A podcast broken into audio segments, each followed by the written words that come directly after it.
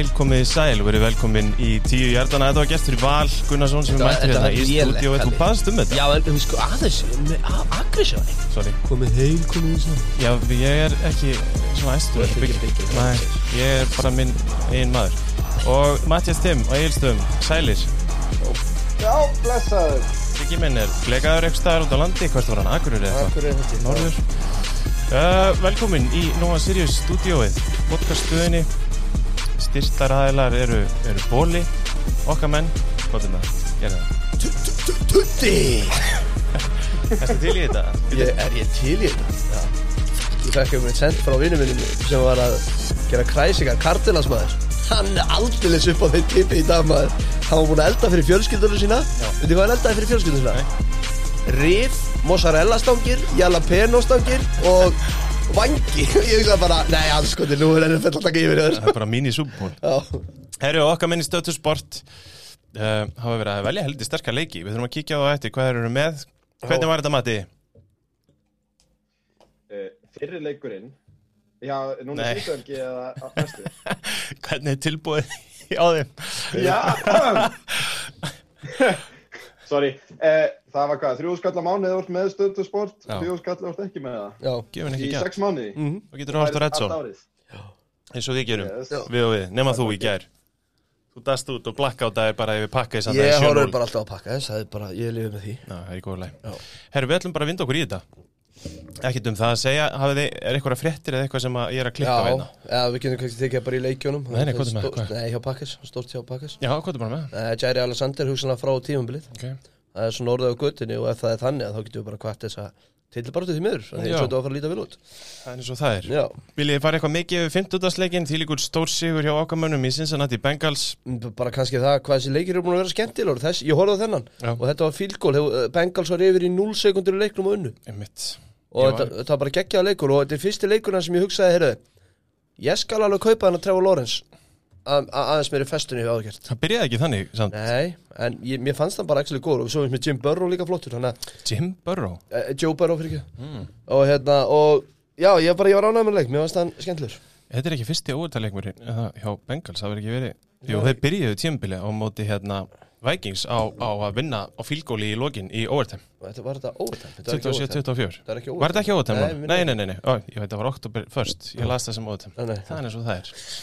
Við þurfum ekki að reyða þennan leik neitt sérstaklega mikið meira. Uh, ég á First Blood hérna, Tennessee Titans, New York Jets og uh, fyrirfram hefði ég haldið að þetta er svona sekunduleikur en uh, þínu menn í New York Jets vinna 27-24 bara til þess að eðalegja alla seðla sem voru læðir undir fyrir þessa helgi þá, þá ákvaðu Tennessee Titans að, að bara blackouta í þessum leik gjössanlega og tapa á móti að mínum að einu slagasta liði deildarinnar. Já, ég má ég samt segja að þetta, þetta kom, ég misti ekki hökunni gólfið og meira að segja, og ég veit að það er alltaf segja þetta eftir á, þá var ég hugsa um að taka Jets á leikin í leiknum að Sján, Erik. Já, ég meina Það, það, vantaði náttúrulega svo marga hjá Titans ég meina það vantar fullt af leikmennum hjá Jets sko, það er ekki eins og, það vantar hála sóknarlínu hjá þeim, það er ekki eins og þetta sé einhverju snillingar sko. Nei, þú veist, það vantaði AJ Brown, Julio Jones. Já, já, Þú veist, ég, bara maður las það og maður hugsaði, ok, ef, ef ekki núna, hvena þá? ég, mér fannst samt, þú veist, voru, já, ég bara, ég næ ekki upp í nefið á mig sko, líka því að Zach Wilson gerði allt sem hann gætt fyrsta leikluta til að bara hleypa Tennessee upp á sig sko, þetta var ekki glæsilegt hjá hann í byrjun, Nei, en svo kom hann nú aldeilis til. Svo kom hann heldur betur til. Matti, hvað hefur þú að segja um þessa, þetta? Við, að því að sko til að hleypa hlustöndum minna þá vorum við svona á spjallinu svolítið að rauna yfir Wilson. Mm. og Já, hann, ég meina, hann, hann var já, já, hræðilegur já, já. Og þá blandaðist þú ekkert í þetta. Hvernig var þetta? Þetta var eitthvað skrítið Matti, þú kannski með betri deila á þessu Já, ef ég skil þetta rétt og byggi þá bara leiðir til okkur í næsta þætti á Twitter eða eitthvað, þá mega, það fyrst að Túa fekk gaggrinni fyrir síðasta ár og byrjun á þessu ári, þá eigum við að nota sömu orku í að gaggrina rútt í kortebakkana og þar einhvern veginn var Zach Wilson hent fyrir rútuna og, og hérna, þetta byrjaði einhvern veginn á einhverju Darnold umræðu og þetta var mjög fyrirlegt, en Zach Wilson er bara skemmtilegur, hann er bara gott sjónvarp ef hann er í stuði. mm -hmm. Veist, hann er hann skoppand á milli og bend, veist, þetta var alveg hefði fyndið, að, nei, var það manni, jú, touchdowni, þegar hann hleypur til hliðar og bendir eitthvað, segir hann að hlaupa og kastar, veist, þetta var svona, svona, svona sjálfströst múf sem ég bjóst ekki við honum eftir þessa byrjun, sko, og Mm. ég meina að þetta var bara helviti skemmtileg köst hjá honum og veist, hann er svona hvort sem getur kannski búið til eitthvað á baku þessa sóknulínu en ég held að þetta hafi verið frekar flash in a pan hjá Jets liðinu þó hann getur kannski verið skemmtilegur þá held ég að þeir vinna ekkert marga leiki. Nei, nei, það. Og ég man alveg af hverju þetta Sam Darnold aðrið kom upp, það er náttúrulega bara því að hann er síðasti maðurinn sem var þarna hafður þarna inn á í tómu ruggli enda var hann fyrir viðtal og talar um að hann seg- segi bara uh, hérna seeing ghosts in the pocket Já. og ég meina það leit bara þannig út þegar hann var búið að sakka hann hann í fjóraða skipti hann er eitthvað eitt mest sak- sakkaði quarterbacki inn með flestar interceptions allt í tómu bull hjá hann og meðan Darnold er að spila svona allavega nokkuð nokku vel Já. að ég meina, ég bara, ég kallaði eftir því á spjallinu að bara komið þessum dreng bara út af, Já. ekki hægt En, en sko, ég er sammála matta Þetta kannski flassið en pan að, hérna, með Jets En það sem að við verðum með að taka út úr þessu leik er að in the end of the day, þó að þetta eins og sé ég, ég er ekki bara að segja þetta, það kom mér ekkert svaklega orð þá tapar tennis í þessum leik Já. og það er náttúrulega bara eitthvað sem maður held að veri búið hjá þeim að tapa svona leikum það sem að mér finnst skrýtnast við þeir að þeir eru með 460 hjarta sko. það er ekki eins og þeir hafi ekki náð að reyfa sókninu Nei. en hins vegar er vörnin hjá þeim myndi mig bara á það þegar að Pakkis var að láta uh, maka sig á móti 49ers af því að Já, þessi cornerback og safety hópur hjá þeim er gjössamlega glataður. Og því meina það var alveg vita mál fyrir þetta tímabil og ég meina mér bara Corey Davis og fleiri leikmenn voru bara galopnir bara með massa separation, einhverju svona algjöri B-leikmenn, ég meina horfðu bara á þetta vætri síðu hvort hjá, hjá Jets. Og mér finnst þetta, þetta er ekki glæsilegt. Þetta er ekki snild sko, þetta er allt í lagi leikmenn en ég meina, það er eins og það er. En Derrick Henry, er svo sem reyndu sitt besta 33 tilhörinu, 157 hjartar og touchdown, hann var ekki eins og þeir hafi ekki reynd, ég meina Tannehill er með 298 á touchdown þú veist, þetta er bara bíl, já. en já auðmíkjar, það bæði fullt af penningum að hvað ertu Já. komin í hana? Það getur ég að bara opna hérna næsta ég, þú er ekki sko, ég er með mattatemtinni gegnum töluna mína. Þannig að ef ég er að fara, þú veist, í startið eitthvað þá koma alltaf klipsin og by the way, NFL, þið eru að hlusta hættið með þetta autoplay á síðun ykkur þetta er óþólandi getur ekki slögt að þetta, ekki tölvukenna ég ætla að vona að fólk kunna þetta á play. Já, ok, sorry, já, já, sorry. Þetta var, þetta var hérna ég var undirbúin fyrir næsta, næsta leik. Þetta var uppsöfnu gremja. Þetta var uppsöndum já, greina alveg gríðalega næsti leikur, Chicago Bears, Detroit Lions 24-14 og það er Úlfur. Heyrðu, þetta, ég Þetta sagði er- já, ykkur, þetta er skrítnasti úlfur sem við höfum tekið. Ég var eini sem tippuð á Bears á móti Lions.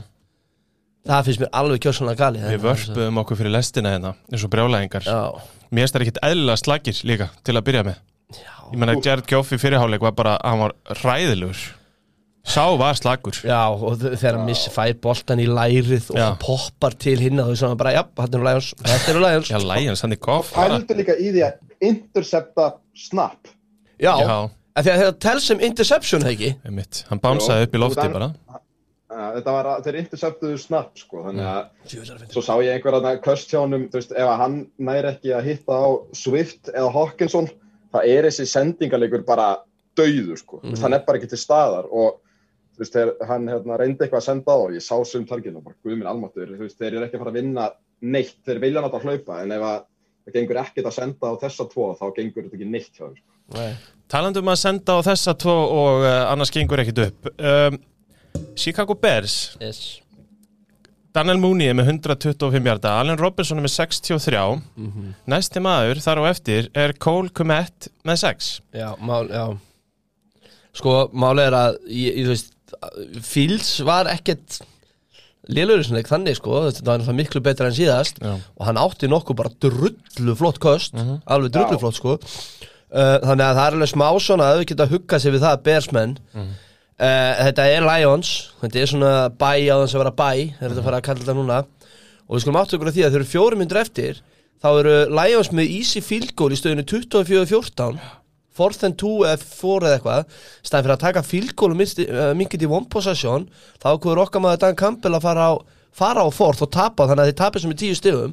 Þannig að þetta var alveg leikur við getum, þeir, kom, þeir hótuðu að koma tilbaka Lions. Ah, en at the end of the day þá hérna, eru þeir með hörkugóðan running-back sem að meittist nú ykkur að David Montgomery hjá Bears. Já, já. og hann, hann með 2 touchdown og 106 hjarta hann, hann svolítið vinnur hann að leik fyrir þá en hann meðist, ég er ekki nú að á meðslanum múnur reyndar. Er gæti ekki betur Já, sem það- væri week to week þeir, heldu fyrst heldu fyrst að þetta var í crossband en svo kom í ljósa að þetta var ekki Ok, yes. það er víkt og vík, ok, glæsilegt En eins og segi, bara Sigur og Bers Ef þeir hefði gjunni þennan Þá hefði maður farið að hafa verulega ágjur en, Og það var ekki Matt Nagy sem var að kalla playin Nei. Nei, ég, ég ætlaði mitt að koma hana Ég tók eiginlega tvo punkta úr þessu leik eða þrjá, svo út að byggja var mitt að tala um það að Bears vörðin hafi verið drullu góð í þessu leik Mhm.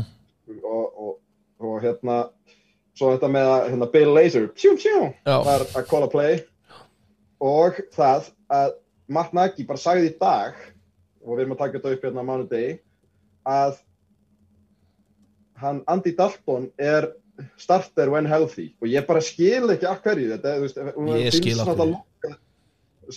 veist, hvað er gróðin í því, veist, Fields er að taka núna skref upp á við á þá bara að setja hann aftur á bekkin, veist, ég hefði skilið þetta ef hann átt tvö, tvo svona leikið svo, síðast og aftur núna. Nei, en ef þetta er Hann þá er ekki gróðin hann er, af hverju þarf hann að rísa upp í ár? Af hverju ekki bara sitja aftur og bara á næsta ári þegar hann er komin inn í kerfið og búin að fá þessa leiki og svona að þá, Bers er ekkert að fara að vera mistarar í ár? Þú veist, mér finnst mér, mér, nei Dalton. Mér finnst þetta bara fín leið því þeir eru með hræðilega sóknarlínu eins og við margóft rætt þannig að í staðin fyrir að henda Fields fyrir ljónin í hverju einasta leik og bara bomba niður þá fær hann aðeins að venjast NFL komast inn í þetta, fær leik og leik ég er miklu hlindar því að láta Dalton spila og Dalton er bara búin að vera vannmetin í ár punktur Ég elska þeir eru með sko sikkora leiðina að sömu niðurstöðinni. Þeir eru að hugsa sama hlutin en þeir eru með sikkora leiðina að því Já, já. en þa Þú veist, hann veit alveg, Nagi veit alveg hann er á síðasta sjens og hann verður bara að vinna leiki. Bers er bara hugsa það, þeir eru ekkert í einhverju, þeir eru ekkert að fara að gefa Nagi bara fimm ár núna til þess að þjálfa upp Fields og stopp, búa til nýtt lið og fara að vinna Super Bowl titla, sko. Já, ég meina en þegar að, þegar að Mahomes kvildi fyrir aftan Arnold Smith var þá Andy Reid að hugsa um raskat á sjálfum sér? Andy Reid er Lord Shit. Nei, ég meina, já, ég meina, þú veist að Nei, þeir Nagy náttúrulega kom inn í þessa, inn í þessa leiktíð með frekar stutta ól. Mjög stutta. Rít var alls ekki með Mhm. Það var Ég, ég, ég myndi að það myndi styrkja stöðuna sem myndi sína hann að Fields í ár gæti er skiptir ekki Þannig að að nokkur einasta nei. máli reyndar. En þeir eru samt sem búin með þrjusu prógram líka, þeir eru að fara inn í eitthvað, þú veist, bara þetta heldur bara áfram hjá Bears. Ég meina, ég, ég eiginlega sammála valirna, þeir eru að fara í Raiders, þeir eru að fara í Packers, þeir eru að fara í Bucks, þeir eru að fara í 49ers, núna í röð. Mhm. Ég held að alveg sé alveg rétt, Justin Fields á ekki erindi bara eins og staðan er í dag í að spila. Það fínt ef hann færi mitt kannski fyrsta 8-9 leikina. Sjáum hvernig það fyrir kannski 4-5 eða eitthvað og Mhm. ég verða það náttúrulega aldrei eru að aukalega hérna er bara hvort að eins og með Lions, þeir voru inn í nokkrum leikjum. Þú veist, eins og á móti Packers þú veist, þetta var alveg leikur og tímabili og svona tímapunkti, ég er bara veltaði fyrir mér veist, hversu marga leiki getur verið undir þessu ruggli skilur veist, hversu mikla þólum að þið hefur að þú vinnur ekki neitt að vera í þessu býta hnjaskilja lemja, berjast, dæmi sko. Já, sko, málega, þetta er, þetta er eins og, það er svo auðvitað að segja bara, ég átti allir vonað að þeir myndi tapa öllum leikjum. En þegar þú ert að tapa öllum leikjum, Já. Þá er þetta meira en að segja það, sko. einmitt sko, Og hérna, þú veist, þannig að ég er, ég er mitt sammálaðið með það, sko, að hérna, að þetta fyrir að vera helviti þreytt, sko. þetta fer að vera það. Já. og ég, þú veist já, ég hef ekki vonað að ég sé að fara að stela einhverjum leikjum núna eitthvað í framtíðinni. Ég sé það ekki sé það ekki gerast. Heyriði, ef við vipp okkur yfir í leik sem að hann Birgir okkar var með. Og uh, það voru hans ágætu menn í Dolphins. Sorgasa fyrir mig og þig og alveg minn í tippkefninni Já. en það var Colts Dolphins ég er að reyna að komast að hvernig þessi óbúslega leiku fór. 27-17 fyrir fyrir. Ekki málið, í Miami með Wopping 203 hjarta í, í hérna, sókninni. Og uh, ég veit að Dolphinslið er bara rætt orðið eitt minnst spennandi liðið dildin einhvern veginn. Ég er eiginlega bara pínu sammálaður og mér finnst svona pínu sjokkarandi bara hvað Brissett er uh, slagur sko. Hvað var lítið reyfing og öllu hjá þeim. Og ég- mér fannst þetta að vera svolítið svona þú er dagið leiku fyrir þá ef þeir ætlaði að blanda sér í einhverja sensa í, í reyðlinum og svo bara í AFC yfir höfuð þá fannst mér þurfa að vinna kolt í einhverjum mega mínus Sem sko. voru 0-3 sko. Já, það var svona hálgert þrótt hvað segir þú Mati? Já, ég er bara held sammála ykkur í því. Þú veist, mér reyndar, ég var frekar impressed með veist, þetta var svona, þú veist, sóknarleikurinn hérna var svolítið það sem að ég bjóst við að planið er að væri ég komu inn í leiktíðina. Þú veist, Vents þarf ekkert að vera frábær. Hann ná ekki að vera gaurin sem að bjarga þeim. Þú veist, það á að vera á herðunum á Taylor og, og hérna Naheem Hines að vera og við loksins fengum að sjá, þú veist, gefa Taylor almennilega boltan. Hann loksins skoraði touchdown eftir margar tilraunir og Vents bara hefur bara kastað eitt interception á árinu sem að þú veist á sama tíma í fyrra var hann komið sjö Já, Einmitt. ok, áhört Já. þannig að þú veist hann er að eiga svona veist, þetta er oft með þessi, pro, uh, þessi project sem að, veist, að kortabakkar að þeir, þetta er svona Winston þú veist, þessi reckless ruggludallar að reyna að hala niður og veist, þeir sé ekki að gera mistök og þvinga hluti, þetta er Mhm. pínum líka með Darnold í Panthers og þetta virðist vera að virka svona lúmst hjá þeim, allavega það var mikil jákvæð merki í þessum leik. Einmitt. Já, og krúsal fyrir þá náttúrulega samanskafi eða krúsal, ég veit nú ekki 0-3 hvað, hvað þeir ætla að gera í ár en, aftur, ég er bara ágjör að Dolphins því miður fyrir okkar mann Bigga sem var með á í Super Bowl, það er maður rétt Ég- Sko, það sem mér finnst eiginlega magnaðast er að, að ég gæti ekki betur séð en að Twitter var að kalla eftir því að þeir myndu bencha Jacobi Brissett, uh, Jacobi Brissett. Og þá komum við að því að, að þriði maðurinn er Reed Sinnett sem ég er ekki viss um að sé raunverulegur því hann er ekki einu svona með Wikipedia síðu ég get ekki einu svona síðu hvaða háskóla hann er sko. Jú, San Diego Já, ok. It's been impressive Er, er í alveg hægt að, að henda inn einhverju manni Nei. sem að veist, Nei, hefði það hjálpað eitthvað að taka Brissett út aðna og setja Reed Sinnett inn nei, sem er eitthvað 24 ára Og Fuller Vitleysing. meittist vilfúlega meitist Já, Þetta fer að vera þreytt sko. hann er Já, bara drast sko. það er nú bara þannig, hvað segir þú? ég, ég ætlaði bara, þú veist, ef, við, ef þú ert með Brissett sem quarterback, þá myndi ég að halda gameplanið það veist, að hlaupa svolítið boltanum. Mhm. Running backarnir eru samtals með 13 og Miles Gaskin með tvö karri í leiknum. Ég veit að það voru bara fyrir þrjá hjarta, en maður hefði haldið að gameplanið væri aðeins meira í þeirra átt, þú veist, hann færi alltaf target. Þú veist, hann færi ekki target og ég, þú veist, finnst skrítið gameplan á bakvið þetta, en hvað, þú að kemur næsta leik, eða þar næsta? ég bara, nú veit ég það ekki bara vera við Kans, Kannski er þetta bara að best sem gætt komið fyrir túa Heyrðu, Þeir eru fókt án mín Sjáðu hvað ég geri og þeir þurfa bara að vera smá betur og það hugsa með bara, ok, túa þetta getur Eðast, getum við samt ekki En- bara að fara að segja hlutina eins og þeir eru? Ég meina, það er sko, Túa verður aldrei ég meina, er einhverjar líkur að því að hann verði top 15 kvartibakki í þessari deild? Já, eins og stann í Jú, deild, top já, 15 já, já, er bara, já, það eru 32 í deildinni, sko, hann getur Ég veit verið það. miðlungskjúpi í þessari Ég, deild en mér, í, mér finnst samt eins og deildin hafi bara aldrei verið sterkari þannig séð þegar kemur að en, já, það, er, það eru líkur á því að hann verði það einhvern tíma á ferðlunum. Já. Ef að ég ætla að svara því. Segir Mattias á Egilstöðum það segir Mattias Veilsson Mjög dipló. Já, það er svo það er Heyriði, Cleveland Browns Minnesota Vikings Þetta var helvitis leikur Nei, 14-7 fyrir Cleveland Þegar, þú veist, það var ekki staðan 11-3 eða 11-7 hann á var, Sko, Vikings byrjaði fyrstu sóknina bara 7-0 og maður hugsaði Þessi sók hjá Vikings er í rugglinu Nei, sko, ég, fyrir utan það, ég var með hérna, ég var í brasi með fantasy quarterback og var svona að velja á milli hvort neður ég myndi taka. Körk eða Já. Baker? Já. Þannig ég tók Kirk, Ég hefði líka tekið hann god damn it, hvað þetta var lélegt maður. Ha? eins og ég segi, þeir fóru upp öllin og bara 7-0 og með við síðustu leiki og hugsaðum bara, heyrðu, þetta er bara með betri sóknum í dildinni var skoruðu touchdown sem var flaggað af að það ekki og svo beint aftur á Jefferson. Já, getur Mér við minnir að það verið einhvern veginn þannig. Já, Já, bara, það var eitthvað, já. En já, Matti, þú veist með leik Já, þú veist, mér er bara brámsvöldin drullu góð í þessu leik fyrir utan þetta fyrsta dræf. Það er bara, þú veist, þetta er náttúrulega öruglega lélegasti, jú, þetta er lélegasti leikur á leiktíðinni og, og þá er vörnin náttúrulega, vörnin á náttúrulega að vera svolítið, þú veist, vörn og hlaupaleikur. Og vörnin er bara að stegu upp og, og kaffarið svolítið Vikings og reyndu, og reyndu, þú veist, sitt en kasta langt og þú veist, Cousins er kannski ekki okkar uppáhalds en hann getur kasta langt þegar hann vill það, sko. Veist, það er, hann er ekkert mikið í þessum stuttu og, og hvað sem maður, meðallöngu köstum Mm en hann er góður að kasta langt og það bara gekk enga megin upp sko. þú veist, það er bara já, þú veist, þeir náðu að stoppa og bara þetta er náttúrulega, þú veist, drullu gott varnalið svo við tölum við fyrir leiktíðina, þú veist, þetta lið á blaði og Baker ég, það er hérna langt sinni ég sá hann svona lélegan, þú veist, það Mhm. hérna, er búið að vera að tala mikið um það á Twitter hvað svona air yards unrecognized hjá Odell Beckham því að hann var sko laus svo oft hann hefði örugglega getað skorað þrjú 60 yarda touchdown ef að Baker hefði síðan sko. Hann var bara gal opinn sko og Baker sá hann ekki og, og ég, þú veist, já, bara flottu leikur hjá Browns að vinna hana þó að það hefur bara verið 14-7 þá ég bjóst reynda við að þetta myndi vera fleiri stig í þessu leik en Ég sem er mjög þetta er það sem að Þetta er að eina sem ég tek út úr þessu leik að það er tvennt, það er annars vegar það að Vikings einhvern veginn eru dæmdir að þessu tími til að bara vera ekki neitt. Þeir tapa hann að tveimur fyrstu leikjunum í þeir eiga ekkert að tapa þannig séð. Vinna svo geggjaðan sigur og, og svo tapaði þessum í 14-7 á heima gegn Browns. Já, ég meina, og skoraði touchdown sko eftir sjö mínútur Já. og svo bara ekkert, Ekkert. þú veist ekki fílgól, ekki Nei, neitt. nei. og ég, að því mér fannst líka Minnesota vörðin góður með þrjú sakk og Baker og, og þannig að veist, Minnesota vörðin var með fína pressu, það vantaði ekki á alveg fína sóknarlínu hún hjá Browns.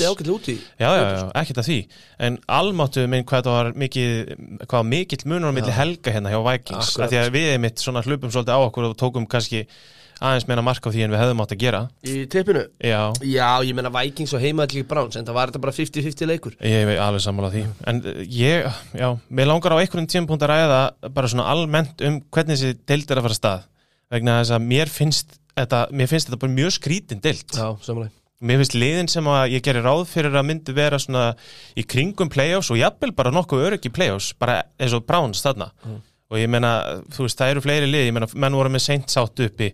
Fútbóltím er ekki að koma neitt sérstaklega þó er Nei, að við átt bara- ágætist leik já, þú veist, klára leikin í vörus Ég meina Colts, Dolphins, ég meina það er bara Titans. Já, já. Mér finnst deildin bara svolítið skrítin. Ég mér langar ekki að segja þetta sé slægt endilega en þetta er samt alveg svolítið slægt Mér finnst eina liðið sem að ég hef massíft tröst til akkurat núna er Bills og ég áært með að segja það eftir síðustu helgi en núna um helgina Cardinals. Já, ég, ég, ég skil hvað meina, ég er sammálaðið með það, mér finnst sko topp, sko, mér finnst toppurinn, Kansas, mér finnst ógeðslega erfitt að horfa á, horfa á Kansas, ekki Bucks, ekki eftir leikin í nótt, hérna, mér finnst ógeðslega erfitt að horfa þá, ég segi Dallas líka, mér langar að henda þeim, ha- hattinum á þeim að Já, en ég átti samt ekki vonaði að þeir eru svona hryllilega góðir. Þeir eru eiginlega komið þá meira ávart í Dallas, hináttina já, já, já, já, en ég skil alveg hvað meinar, það eru svona, og þess vegna, sem pakkað stuðnismæður, þá var ég hann helviti spenntur, því mér fannst ekkert lið sem maður horfði á og hugsaði bara, alltaf sérstaklega NFC bara, einmitt. pakkaskildurinn þeirra, svo náttúrulega þess að Jairi fréttir eru eitthvað, þá er það helviti slæmt, en, Mhm. en ég er sammálar, þetta, það vantar kannski, það er ekki mjög mörglið sem eru bara alveg framúrskarandi. Nei, og það sem mér finnst eiginlega mest spennandi þetta, svo ætla ég kannski að sjá hvort Matti hefur eitthvað skoðun á þessu, er að það verður fyrir vikið trillt spennandi að sjá hvaða lið á endanum eftir miðja, þú veist, deild, eftir nýju leiki, átta nýju leiki, drullast þess að taka vældkartsætin í play-offs, af því að ég held að það sé bara með sjáðu Raiders, lið sem að maður var ekkit endilega með í play-offs, Já. sjáðu Cowboys sem er vantarlega í massa, hérna, baróttu við fútboltíma og svona, þetta verður alveg áhugavert að sjá hvaða lið á endanum, af því ég held að það, því sem við vorum að spá gæti farið bara gjössanlega út um gluggan sko. Já, við verum að lifa með því, en hvað segir þú Matti? Já, ég er alveg sammála þetta, en mér líður svona eins og vika eitt sé búin að endur taka sér fjóru sinnum. Ég er svona, já, ég veit ekki alveg hvernig ég á að hvernig ég á að tólka þetta, þú veist, en þetta er komin á fjóra vikur, sko. Við erum komin næstu í 25% af regular í því þannig. Ég bara, mér finnst þetta bara, deildin er að fara alveg rosalega skrítið og ég, þú veist, ef þú horfir á riðlana núna og ég meina að hugsaði bara með þér, ef þú hefði hort á þetta hefur Coltsi 0-3, Vikings 0-3 þú veist, eitthvað svona lið, maður allavega held að þeir myndu reyna að halda sér gangandi Já. þau eru basically fyrir mér bara í tómu ruggli, þú veist, þau eru komið svo langt á eftir, ja, Ég er allavega ekkert vissum að þú þurfir það marga sigra til að komast í play-offs. Nei, nákvæmlega, þetta verður þetta Það verður, verður bara hellingur af svona 8 eða 9, 7 einhverju svona dæmi sko og hvort Mhm. það verði fullt af svona, svona innbyrðis viðregnar ruggli sem að mun hafa áhrif sko. Já, ég meina þið sjáðu bara í gæri liður eina við að komast sko, að enda með jafntefli þú veist, það, bara var þannig. Þeir voru komin í þannig stuð að þeir reyna fílgól fyrir jafntefli bara til að tapa ekki leik. Í overtime í ger Já, já, já, já, við hverjum yfir það já. hér og eftir. Herruðu, næsti leikur, Falcons 30 Washington Football Team 34 hver, hver á? Mattias. Ég, Mattias minn. Sko það sem að fyrsta sem ég skrifaði er þetta Washington lið er alveg vel pirrandi í lið. Mm. þú veist, maður er langar svo að halda með þeim. Þetta er Ron Rivera, þú veist, þjálfari sem að fílar og allt sem hann gekk í gegnum. Þú veist, bara þú veist, lið á blaði sem lukkar vel, kannski fyrir utan kortabækstöðuna en þessi vörn er vonlaus, sko, þú veist, þeir, þeir við erum að tala um þeir gefa upp næstu í 420 hjartaði leik. Og við erum að tala um það að meðaltali það lækkaði eftir þennan leik. Vörusvik, vörusvik. Og það eru 60% líkur að anstæðingurinn konverta á þörddán sko. 60% af þörddánum þeirra er konverta. Þetta er bara, Ég skil því veist ég ætla bara heiðra hérna bygga og kalla, það egg. Þeir eru bara egg. Þeir bara gera ekki neitt. Og þú veist það á aldrei neitt lið að vera í þeirri stöðu að Tyler Heineke sé maður sem má bjarga liðinu og draga það til sigur þú veist, vörninn á að passa på Heiniki, ekki öfugt. Mhm. og það er bara kjaftaði, sko, þú veist hann náði þrís og sinnum að komast aftur yfir. Þetta var bara basically shootout, veist, það var bara Falcons yfir, Washington yfir og, og, og bara mjög vel gert að, hann og McLaurin eru náttúrulega gott heimi og McLaurin er bara súpinstjarnar í félum, sko, Já, já, hann, hann er geggjaður. Er og, eft, og eftir þessa helgi þá finnst mér nú bara Falcons með nýjan þjálfara vera meira drast heldur en Jets með nýjan þjálfara Sko- Þú veist, ef við ætlum að horfa á það þannig. Já, ég er nefnilega, ég er svolítið sammála því og núna bara í mörg ársand hefur Falk, nei, Falkons verið að tapa niður unnum leikjum. Og bara einhvern veginn eftir, ég veit við erum búin að nefna þetta oft eftir þetta Super Bowl fjasko þarna þá eru þau bara búin að vera þetta lið sem við sáum í gær. Se- lið sem maður hefur einhvern veginn enga trúa á að klári svona leiki. Og þarna fáðu Cordell Patterson. Cordell Patterson inn, hann er með þrjú touchdown og eitthvað og gefur hún sigur. Já. vinnið í leik? þetta er ekki sko, ég, þú veist þeir eru sko eiginlega í skrýtnasta rýbildi sem ég hef séð, þeir eru með hvað er Ryan gammal, 34, 5, 6 Já, svoleiðis. á mul- multimiljón dólar samning. Cordell Patterson er eiga furðulegasta breakout season alla tíma, hann er 30 sko. Pöntri Og- tönnur Já, Já, þú veist, bara, veist, það- þeir eru með pitch, fourth overall tight end og, veist, Ridley átti bara að vera vætri sífur eitt í fantasy, sko Mhm. út af að hann átti að fá svo mörg target og eitthvað, en þetta er bara hræðilegt og fyrir þá sem spila fantasy reynið að selja Patterson gæin er að fá svona 24-5% af snaps Mhm. Þú veist, þetta er aldrei að fara að haldast við þannig að reynið að selja hann aður en að allir hinnir í deildinni hlust á þáttinn Einmitt, einmitt. Ég er með eitt hérna, við ætla bara að taka þetta núna að því ég að horfa á þessu statlínu, hún er fráleitt og, og okkar maður Heineken að ná þetta bara skilið, ég Já. veit hann heitir ekki Heineken. Mhm. 23, 33, 290 hjartar, 3 touchdown, 5 hlaupin fyrir 43 hjörtum það er bara geggjaður 20 leikur. vikunar. Já, já, Ég ætla að stela honum, ekki Pettersson. Ég var ekki að menna þannig Nei, ég get ekki gefið Patson þetta. Er, Nei, ég þetta er bara astnalett, Já, ég sorry.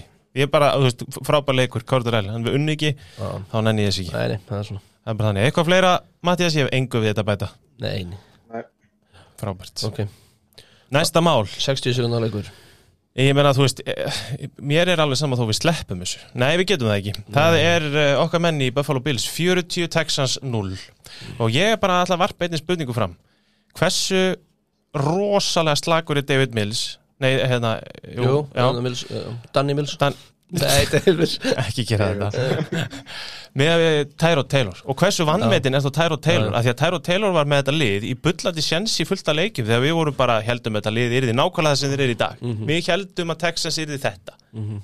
Hversu, Já, hversu ennþá svakaleg þetta. dropp er þetta? þetta, ég held að það hafi verið svona early season dæmi í gangi þar sko, ég held að þetta verði bara svona, þetta er liðið vonlust og allt við það er vonlust og Bills eru bara alltaf góðir, þú veist, þetta var aldrei spurning, þú veist, Bills voru 17 og háls stiga favorit fyrir hennar leik Já, og þetta endar í 40 sko, það geta bætti 20 stigum og samt á þessu sko, þetta er Já, bara, er- þú veist, Texans er alveg á, þú veist, Alabama gæti unnið árugla, ég, easy.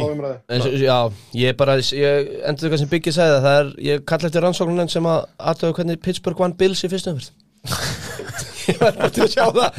Að þetta Bills-liðin svo segir, virka bara Ég, mér finnst það heilstiftasta liðið Já, fyrir já. utan það að þeir voru alveg skjössanlega hörmulegir í Red Zone í gær. Þeir voru ömulegir þegar þeir og bara allen í tómu rugli skora sko fjögur fílgól í röð. Það sem er Já, í bullandi sér svo skoða touchdown. Þannig, að- en, en ég meina mér finnst þeir bara besta liðið akkurat núna. Já, ég, ég kaupi það. En við skulum líka ekki glema því þeir voru að spila á móti Houston, Texas. Texas. Og það er vika fjör það er vika fjögur. Bara, bara smá svona fyndi til að klára þetta, mm -hmm. Cole Beasley var ekki sáttur eftir leik þegar hann var, út var púaður í leiknum og Mhm. sagði, ég held að Bills aðdæðandur væri bestur í heimi. Ekki sáttur. Af hverju var hann púaður út af þessu COVID-dæmið það?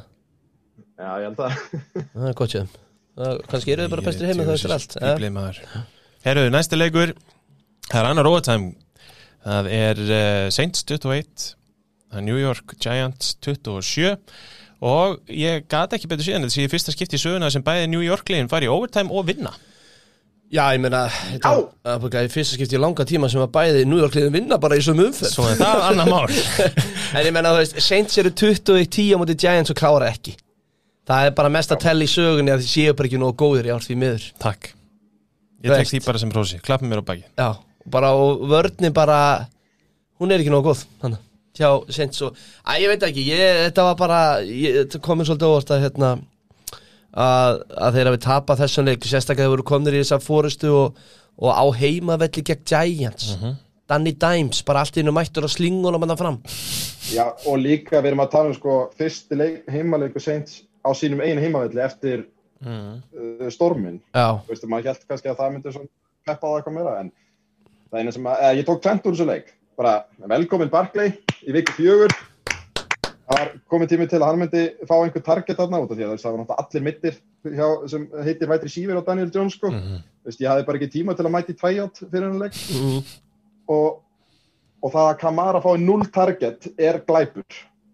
Það er rosalegt það er bara það er bara fárænt og við sáum sko Taysom Hill eins og einhver sagði á Twitter sem er fast heldur gott ég hata ekki Taysom Hill en ég hata hann samt já sko, ég, eins og það ég er bara, þú veist, þetta, þetta er ekki honum að kenna Nei. en djúvill nenni honum ekki. Hann, hann var að lengja lýsit í NFL um sko fjölda ára með þessum töðstónum sem hann skoraði þessum leik. Mm. að því að þetta var orðið svona smá gimmiki eitthvað svona dæmi en svo tekur hann hann hvað, tvö töðstónu eða ekki sem hann bara uh, rýður sér hann hann er svo keilugúli, ég segi þetta, það er bara eins og eitthvað sem ég að rúlla honum upp miðun, hann, hann er einhvern veginn með boltanum milli handan utan Já, um já. bringun, hann hleypur eins og algjör fíbl með boltan, sko. en hvað er seint bara þeir eru tveir, tveir? Ég er náttúrulega í massa betti þetta er bara, ég, þeir vinna bara annað hvert leik, það ég er bara, ég var einmitt að horfa á spáskjálu okkar á eftir, ég er bara í mega vesinni með að, að tippa á þetta, maður veit ekkert hvað maður hefur þetta lið og, ég veist, ég meina, ef, ég veit ekki hvað maður á að kalla, eins og Matti var að segja, það vantaði alla sem geta gripið boltan nema með maður kenni Golladay, allt í henni John Ross mættur inn á, Daniel Jones kastaði fyrir 402 jördum, Yep. sko, á engan. Nei. Þannig að það hlýtur að segja okkur hversu slög líka þessi seintsvörnir. Þetta er óbúslega skríti. Og ég, veistu það, með langar svo að segja, ég vorkin einhvern seints aðdáðandum, það gera það bara ekki neitt. Þetta er bara, veist, James Winston á svona þokkalega leik statslega síðan. Ég meina, hann er bara ekki, hann er ekki my cup of tea. Nei, fræðilegur. það. Eða maður er búin að ræða. Ég var að halda áfram bara. Já, endilega, kallið mér stendur eins og hitja að stjórna þessu hérna Æ, ó, takk. það er svo óþægilegt eitthvað, miðjum þætti. Herruðu, það er Philadelphia Eagles 30, Kansas City Chiefs 42. Já, þetta var skrítin leikur einhvern veginn Mér var- Ég, sagði við ykkur á spjallinu bara þegar Chiefs byrjaði ekki vel og Eagles var hann eitthvað yfir eitthvað eða ekki auðvitað rétt og ég sagði bara megum við fara á áhugjur af Chiefs eða tapað fyrir Eagles? Og ég sagði bara, þú veist, ég hef alveg smá áhugjur af Chiefs samt sem áður einhvern veginn. Áhugjur er kannski stert orð en þeir eru ekki þetta einstómina hlið og þeir hafa verið undan fyrir tvö tíðanbill vördin er bara ekki nú Nei, vantar hann hérna uh, Clark eða ekki? Hann var bara í þessum leika ekki, hann er búin að vera samt eða ekki? Er hann búin að vera eitthvað? Er ekki Því að Frank Clark búin að vera? Mér minni það, ég maður ekki. Það er eitthvað, eða vant, hvern vantaði hjá þeim? Maður vantar eitthvað stóran post í Jó, vörninu Frank Clark var ekki. Hann- Frank Clark var ekki, sko, nei. Að- Hann er búin að missa tveimur leikjum röð, Og ég menn það er bara greinilega of mikið fyrir þá. Já. Af því ég menna þetta ígúlsli, sorry, mér, ég sagði það ekki Mér finnst bara mér, í- svona, e- eftir fyrstu leikina fannst mér Jalen Hurts eitthvað svakalega spennandi og þessi statslína er ljómandi fín og allt það. Já, en mér finnst hann opaslega skrítin þú veist, það eru bara og hérna, tötstana og sakk ört þetta kastir ekkit eðlilega slagt hjá hann hann er bara langt yfir hausi í ykkur tíu er Já, þetta kasti. Og, og svo bara, þú veist, við fyrsta tækifæri er hann hlaupin út úr vasan í svona algjört óþarfa hlaup líka. Mhm. þú veist, það sem hann er ekkert undir það mikill í pressu og er komin í tómt vesina því að sóknarlínuna sér bara allt í læg hún er ekkit það slög, sko bara, þú veist, en að vera einmitt í Svona, fyrir Chiefs að vera í leik á móti Eagles í smá tíma, finnst mér bara fáralegt þó svo þeir hafi gjössanlega bakað á í öðrum og þriðarleikluta, enga sérstakar ágjör því en ég er alveg sammálaðir, þú veist þetta er hvað, þetta er ábíðlega 20. leikurinn í röða þar sem þeir byrja bara illa já, já, já. En svo, svo eru þeir náttúrulega með Það sem að Chiefs náttúrulega vinnur á Er að þeir hafa mestu einstaklisgæði í deildinni Í bara þremur stöðum Já, já. Patrick Mahomes, Travis Kelsey og Tyreek Hill Og þessi Hill veist, Tyreek Hill, þetta er ekkert eðlileg Statlína og, og hvernig hann getur skorað bara bombur í hverjum einasta leik sem hann horfir á. Já. 12 það er target fáralegt fyrsta touchdownu hans er að næra þarna á hotninu Það það er- var bara sex skaurar að fylgjónum og hann náði Já. samt að taka beiguna sko, þetta er bara Já, ég meina, veist, hann er það, Já, sorry, heldur hann hann, hann, var, hann var náttúrulega sko að skora á hérna Usain Bolt í sumar. En um leið og Usain Bolt sáður um að leggja undir súbólringin þá hætti hann við. Já, og já, hérna þú veist, þetta er bara rugl en við svona með hvernig það sem ég sá á þessu leik, þá syndist mér að það skipti engu máli hvað Eagles hef- hefði verið skora 50 stig, það hefði samt Chiefs unnið á með 20. Já, einmitt það var einhvern veginn, 100%. þetta var mjög skrítið og ég, þú veist, ég fíla Eagles meira en ég átti vona, sko. Þú veist, þessi, þetta, þessi sókn er bara, hún er ekki flókin, verðist vera, en með, sko, hört sem minnir mér svona pínu á Lamar Jackson fátakamannsins, ef það meika sens. Mhm. Þú veist, það er svona, veist, hann er alveg klárlega lélegri, sko, en það er hægt að byggja svipað sókn í kringum hann, ef þetta er ekki oflókið, hann er ekkert að gera eitthvað, einhverja glóriur, sko.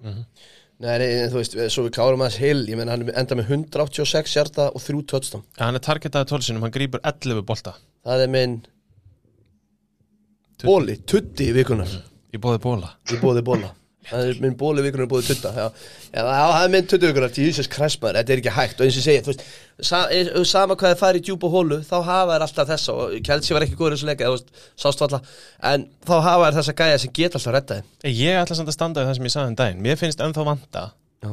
þriðja gríparan af því að Hartmann og, og uh, Pringul og Voru ekki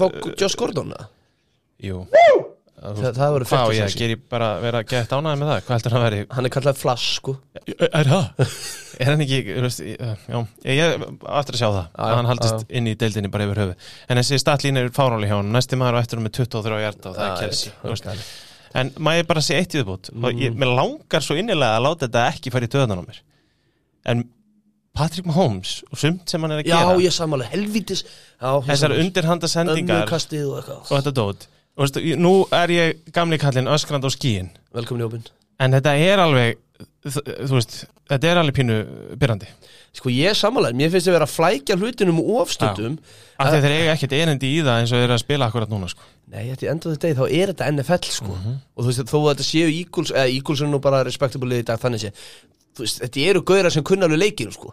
Og e, þegar þú þarft ekki að taka no-look sleppt við það en, en kannski er þetta gaggrinn það, ég veit ekki hann, tók keilugúlukast, já, ég er að segja það. Tvö, smá virðingu. já, á nafnið. Á ég að verið það kastið þá eða? Já, bara tilraunina. Ég má það? gera þetta. Ég, ef einhver má gera þetta þá er þetta hann. Ég ætla að að vera mót ykkur í þetta skipti. Þó, það er alltaf Bara ekki ég, máli veist, ég sef alveg á nóttunni en þetta er alveg pínu þreytt sko. Ég skella á hana þetta er bara afbrýð sem í ykkur. Já, það er Já, harra harri það er það sem þetta Við erum liggur, það er ótrúlega líka- aðbyrðis út í hann Þetta er mjög erfitt maður. lífi á okkur þetta, er, þetta er náttúrulega, hann er að lifa drauminn Já, Herriði næsti leikur Dallas Cowboys 36 uh, Panthers 28 já Þegar við komum inn á leik, það er Panthers með bestu vörðin deildinni Statlega séð Mhm. Og bara líti ógeðslega vel út Cowboys bara fyrir í gegnum eins og nýfur í, í heitur nýfur í gegnum smjör Hvernig er þetta? beint úr ískáðum Beint úr ískáðum. Hey. Já. Ok. Þú veist þarna eins og ég segi, þið bara fóru drull illa með þessa góðu vörn og ég verð að segja þessi yfir þetta, þetta kápuslið mér finnst þið vera svolítið öðruvis en kápusliðin að hinga til já, Dak Prescott er að spila á MVP leveli Mm. Sigil Elliot og hann hérna vinnu minn hann uh, Pollard já, þeir eru bara eru líklega besta ásand eins og ég sagt áður Hunt og Chubb uh, running back duo í, í deildinni. Þeir eru með rosalega jafna sókn og svo er þeir bara vörnin að tikka nokkuð vel hefðum Mhm. og þarna Diggs, þarna sem horfði á Hardnox svonunars stalseríunni Já. Þú veit þetta lélega hann Nei, mitt, eru þarna, og hann er með interception í hverjum einasta leik núna. Hann er komið fimm stiki. Hann er með fimm kvikindi. Já, ég held það og hérna og, og Persons er hann að fitta fínt inn í þetta. Hann fór í defensive end, var að standa sig vel. Mér, ég, sko, Ég ætla að segja það, ég ætla að grípa á loftið með ja, af því að mér finnst einmitt uh, svona, það eru leikmenn sem að maður gerði ekki endilega ráð fyrir eru svona ráðandi partur af vördinu hjá þeim sem eru að spila gríðarlega vel, eins og Dix og eins og Parsons sem að bara eru, uh, þú veist, það, það er nákvæmlega sem þurfti, við vissum alveg að sóknin og Dallas yrði sennilega ekkert vesen ef Mike McCarthy var ekki fyrir þeim. Það er bara einhvern veginn þannig. Þetta er svo sækert kalli Það hvernig geturu En ekki gefið maður vissum neitt ekki, pr- ö, prik? Ekkert, null. Þetta er allt Kellen Moore og hann verður hérna ef þetta var að klikka þá verður þetta 100% allt head Mike coach. McCarthy. Að Sjálfsögðu, þetta er svo klikkað sko. hann er gjössanlega vangi er, og, nú hata ég, ég sé að verja Það er allt í góð, en ég held líka að ég held að einn af stærstu mununum hann að sé Dan Quinn. Það er hafi klárlega, komið inn með eitthvað gæði sem einfaldaði hlutina bara fyrir ekki betur mannaða vörn Þá geta menn farið að stígu upp, gera hlutin allt öðru í þessu og allt miklu betur en, en svona bara þannig að þessi sagt líka þá fóru Panthers sko öskrand inn í hennar leik það var jaft í hálfleik og ég var alveg bara svona Sko, já. djúðlar þetta nett, það munaði einu stíháleik voru einu Já, yfir Panthers voru einu yfir, án McCaffrey sko. Já, og mér fannst þetta bara, ég var alveg bara, herðu, enn og aftur Panthers og svo reyndar fá, fá þeir bara Já. Monsun hann að yfir sig í þriðaleikluta 20 stík á sig og þá var þetta náttúrulega. Það kom hann að Búið, sem sko. breytti svolítið miklu og Darnold var, eh, hann alltaf er með hann er með fimm rushing touchdowns í fyrstu fjórun leikjónum Hann var þegar hann skólaði setna touchdown inn í þessu leik Já. með flest rushing touchdown á tímabilinu Já, Sam Darnold held já ég Og Það er hérna, galið. já, það er galið, hann var svona allt í lægi sem leik þannig séð, þú veist, ekkert sérstakur í loftinu en ég, en ég ætla samt að segja það er hellingur að gerast hjá Panthers og ég er, þú veist, ef maður verið að velja sér liði deildin í dag, ég er ekkert vissum að Panthers væri langt frá það að ég myndi Ég, velja velja. Segja, þetta er, ég held að þetta sé uppáhalds rýbild sem ég hef nokkuð tíma Ah, séð ever Já, í bara held jafnvel í amerískum íþróttum Þetta er, nei Já, alveg Dallas 92 cirka þegar tóku þarna alla ungu göruna Já, Já, já, þeir eru að gera ok, nákvæmlega þú er sama. gamall. en ég, sko þetta ég, ég þóri alltaf að segja þetta sko. Nú, þú eru að segja er uh, Panthers eru pínu það sem að ég vonaði að Dolphins myndi líti út í dag mm. Já, út að Dolphins alltaf sanka að sér pikkum þeir voru bara með first round pick bara í öllum Mhm. Galore. vössum og, og þú veist en ég veit ekki, þetta er náttúrulega fjóri leikir en þetta lúkar Já. fáránlega vel og Joe Brady, ef að hann helst þarna í sínu starfi, þá verður þetta alltaf solid til bara geggju svo, Nei, sérstaklega ef þetta klikkar allt saman, þú veist, það var hérna sáðu þið hvað Terry Bradshaw sagði þetta leikin nei Nei, Panthers eru búin að finna sinn besta quarterback frá upphæði Nei, róum okkur, Cam Newton var nú alveg.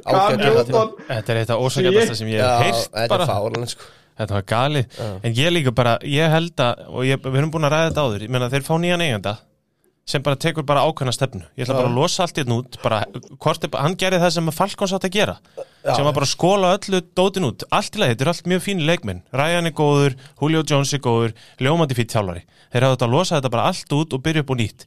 Panthers gera þetta, ráðinn Mattrúl sem er frábær þjálfari, Í svona rebuildi eins og Matti Er nákvæmlega, hann fær inn einhverja nýja koordinators og byrja bara að byggja upp bara frá vörn. Við ætlum bara, og eru bara með byrjunarlið af ungum strákum, þetta er ótrúlega snirtilegt, við erum bara ræða þetta margóft áður. Og ég, mér finnst, veist það er engin í sjokki, það er engin ætlast til þess að Carolina Panthers fari í playoffs eða vinni Super Bowl. Það er bara geggja þessi inn í öllum þessum leikjum, sé að vinna leiki byrja tímabilið 3-0, maður gerir ekki meiri kröfur veginn til þess að liðs. En Dak Prescott er bæðið við, eh, sorry, svo tökum líka Cowboys að Já, mér finnst þeir bara alla, allt hróskilið, mér finnst þeir geggjaðir Mhm. Dak Prescott er með 188 hjart og 4 töttstunni svo leik, það er mjög spes lína. En hérna, en ég ætla að segja, mér- það kemur veist, aftur þetta vika fjögur og þeir eru náttúrulega búin að mæta sko fyrir eitthvað ungum leikstjórnum fyrir utan Tom Brady Mhm. Í þessu fyrsta, ef ég tek Sam Donald sem ungan, mér finnst hann bara að vera eiginlega rúki en ekki bara, hvað er hann, 26 ára? Já, ég með þetta er fjórða áraðan samt sko Já, já, ég meina hann Mér finnst það bara að vera hálfgerður rúki en og hérna, og ég er ótrúlega spenntur Hann er orðinn 24 ára vinnur Já, mitt, spenntur fyrir hérna fyrir þessu kábúsliði og ég meina? Já, ég er bara virkilega alveg, alveg virkilega, og ég er búin að vera svo sem allt tímabilið Já, hérna. Já. og já, ef að vörnin heldur áfram að vera svona þá hef ég engar ágjör á sókninni. Ef að Mike McCarthy stýrir sér þetta þá hef ég 100% trúðin Herru, ég veit að það er fullt Ef hann heldur áfram að stýra þessum skipi á leiði og, Hérna, hversu miklar áhyggjur eða fantasy hendur að hafa CD Lamb? Mattias, nei, nei, engar. Engar? Reynir bara, reynir bara að kaupa hann ódýrt ef þið getið það Þetta er alltaf að fara að koma, þú veist, Amari Cooper virðist vera inn og út úr þessu liði og, og, og það er ekkert allir, allir leikir sem þeir spila sem við reyna að hlaupa 34 sinnum, Mhm. þú veist, bara ef engar ágjur á hann. Ok, en þá langar mig að koma síðasta punktinum með það Við verðum að klappa manninum á baki sem við erum búin að hrauna hvað mest yfir í þessari deild núna bara síðasta ári, það er í Sigil Elliot til líka klárlega. 20 tilhörnir Já. 143 hjartar og 1 touchdown Ég var fann að saknas, að því að hann er æðislegur að horfa á þegar hann er góður það er samanlegar og undanfæðin leikjum þá höfum við hugsað djúvill á þetta nett. Hann er svo, hann er svo lipur nú aftur. Hann er, hann, er, hann er bara léttari, hann er í betra standi það er allt annað að sjá. Yes. En þá var það komið kannski að hinum ombriðunum í í deildinni. Já, það ekki, Jó, því líka Nei, tjók, ég ætla nú ekki að fara í þetta. Við förum ekki mannin nei, við förum í boltan í þessu Við förum í boltan í þessu þetti uh, San Francisco 49ers 21 uh, Svöldurnar frá Seattle 28 Ég held að þú eigir þetta, Mattias minn. Já, sko, ég ætla í mannin. Ég, er hérna, Já, ég þarf að byggja um aðeins meira frá Kyle Shanahan, þú veist, það hérna, Yes, Ég ok, ég ég er sko að fagna hérna það. Ég, Ég ég, það loksins. sama. Yes maður, komdu með það. Ég til að heyra það frá þér nefnilega. Ég það er, er núna einhver undiraldag á 49 aðdáðandum að þeir vilja fá hann rekin en sem er náttúrulega mest af er della. en hann þarf en hann þarf samt að fara að þjálfa aðeins aggressívari og fara að treysta sínum kortabekkum fyrir því að vera kortabekk því að þetta, þetta lukkar allt rosalega þund og hann verðist vera með tvö gameplan í gangi fyrir kortabekkin og þetta sýnir bara sýnir sér bara klísjan ef, ef þú ert með tvo kortabekka þá ertu með engan Mhm. kortabekk og, og það verðist vera svolítið það dæmið, veist. Það er alltaf sko fáránlegt hvað þessi vörn er búin að vera góð í byrjun leikja, þú veist, sérstaklega í, í gær, þú veist, þeir voru sko 7-0 yfir Seahawks byrjaði á 5-3 and out. Mhm.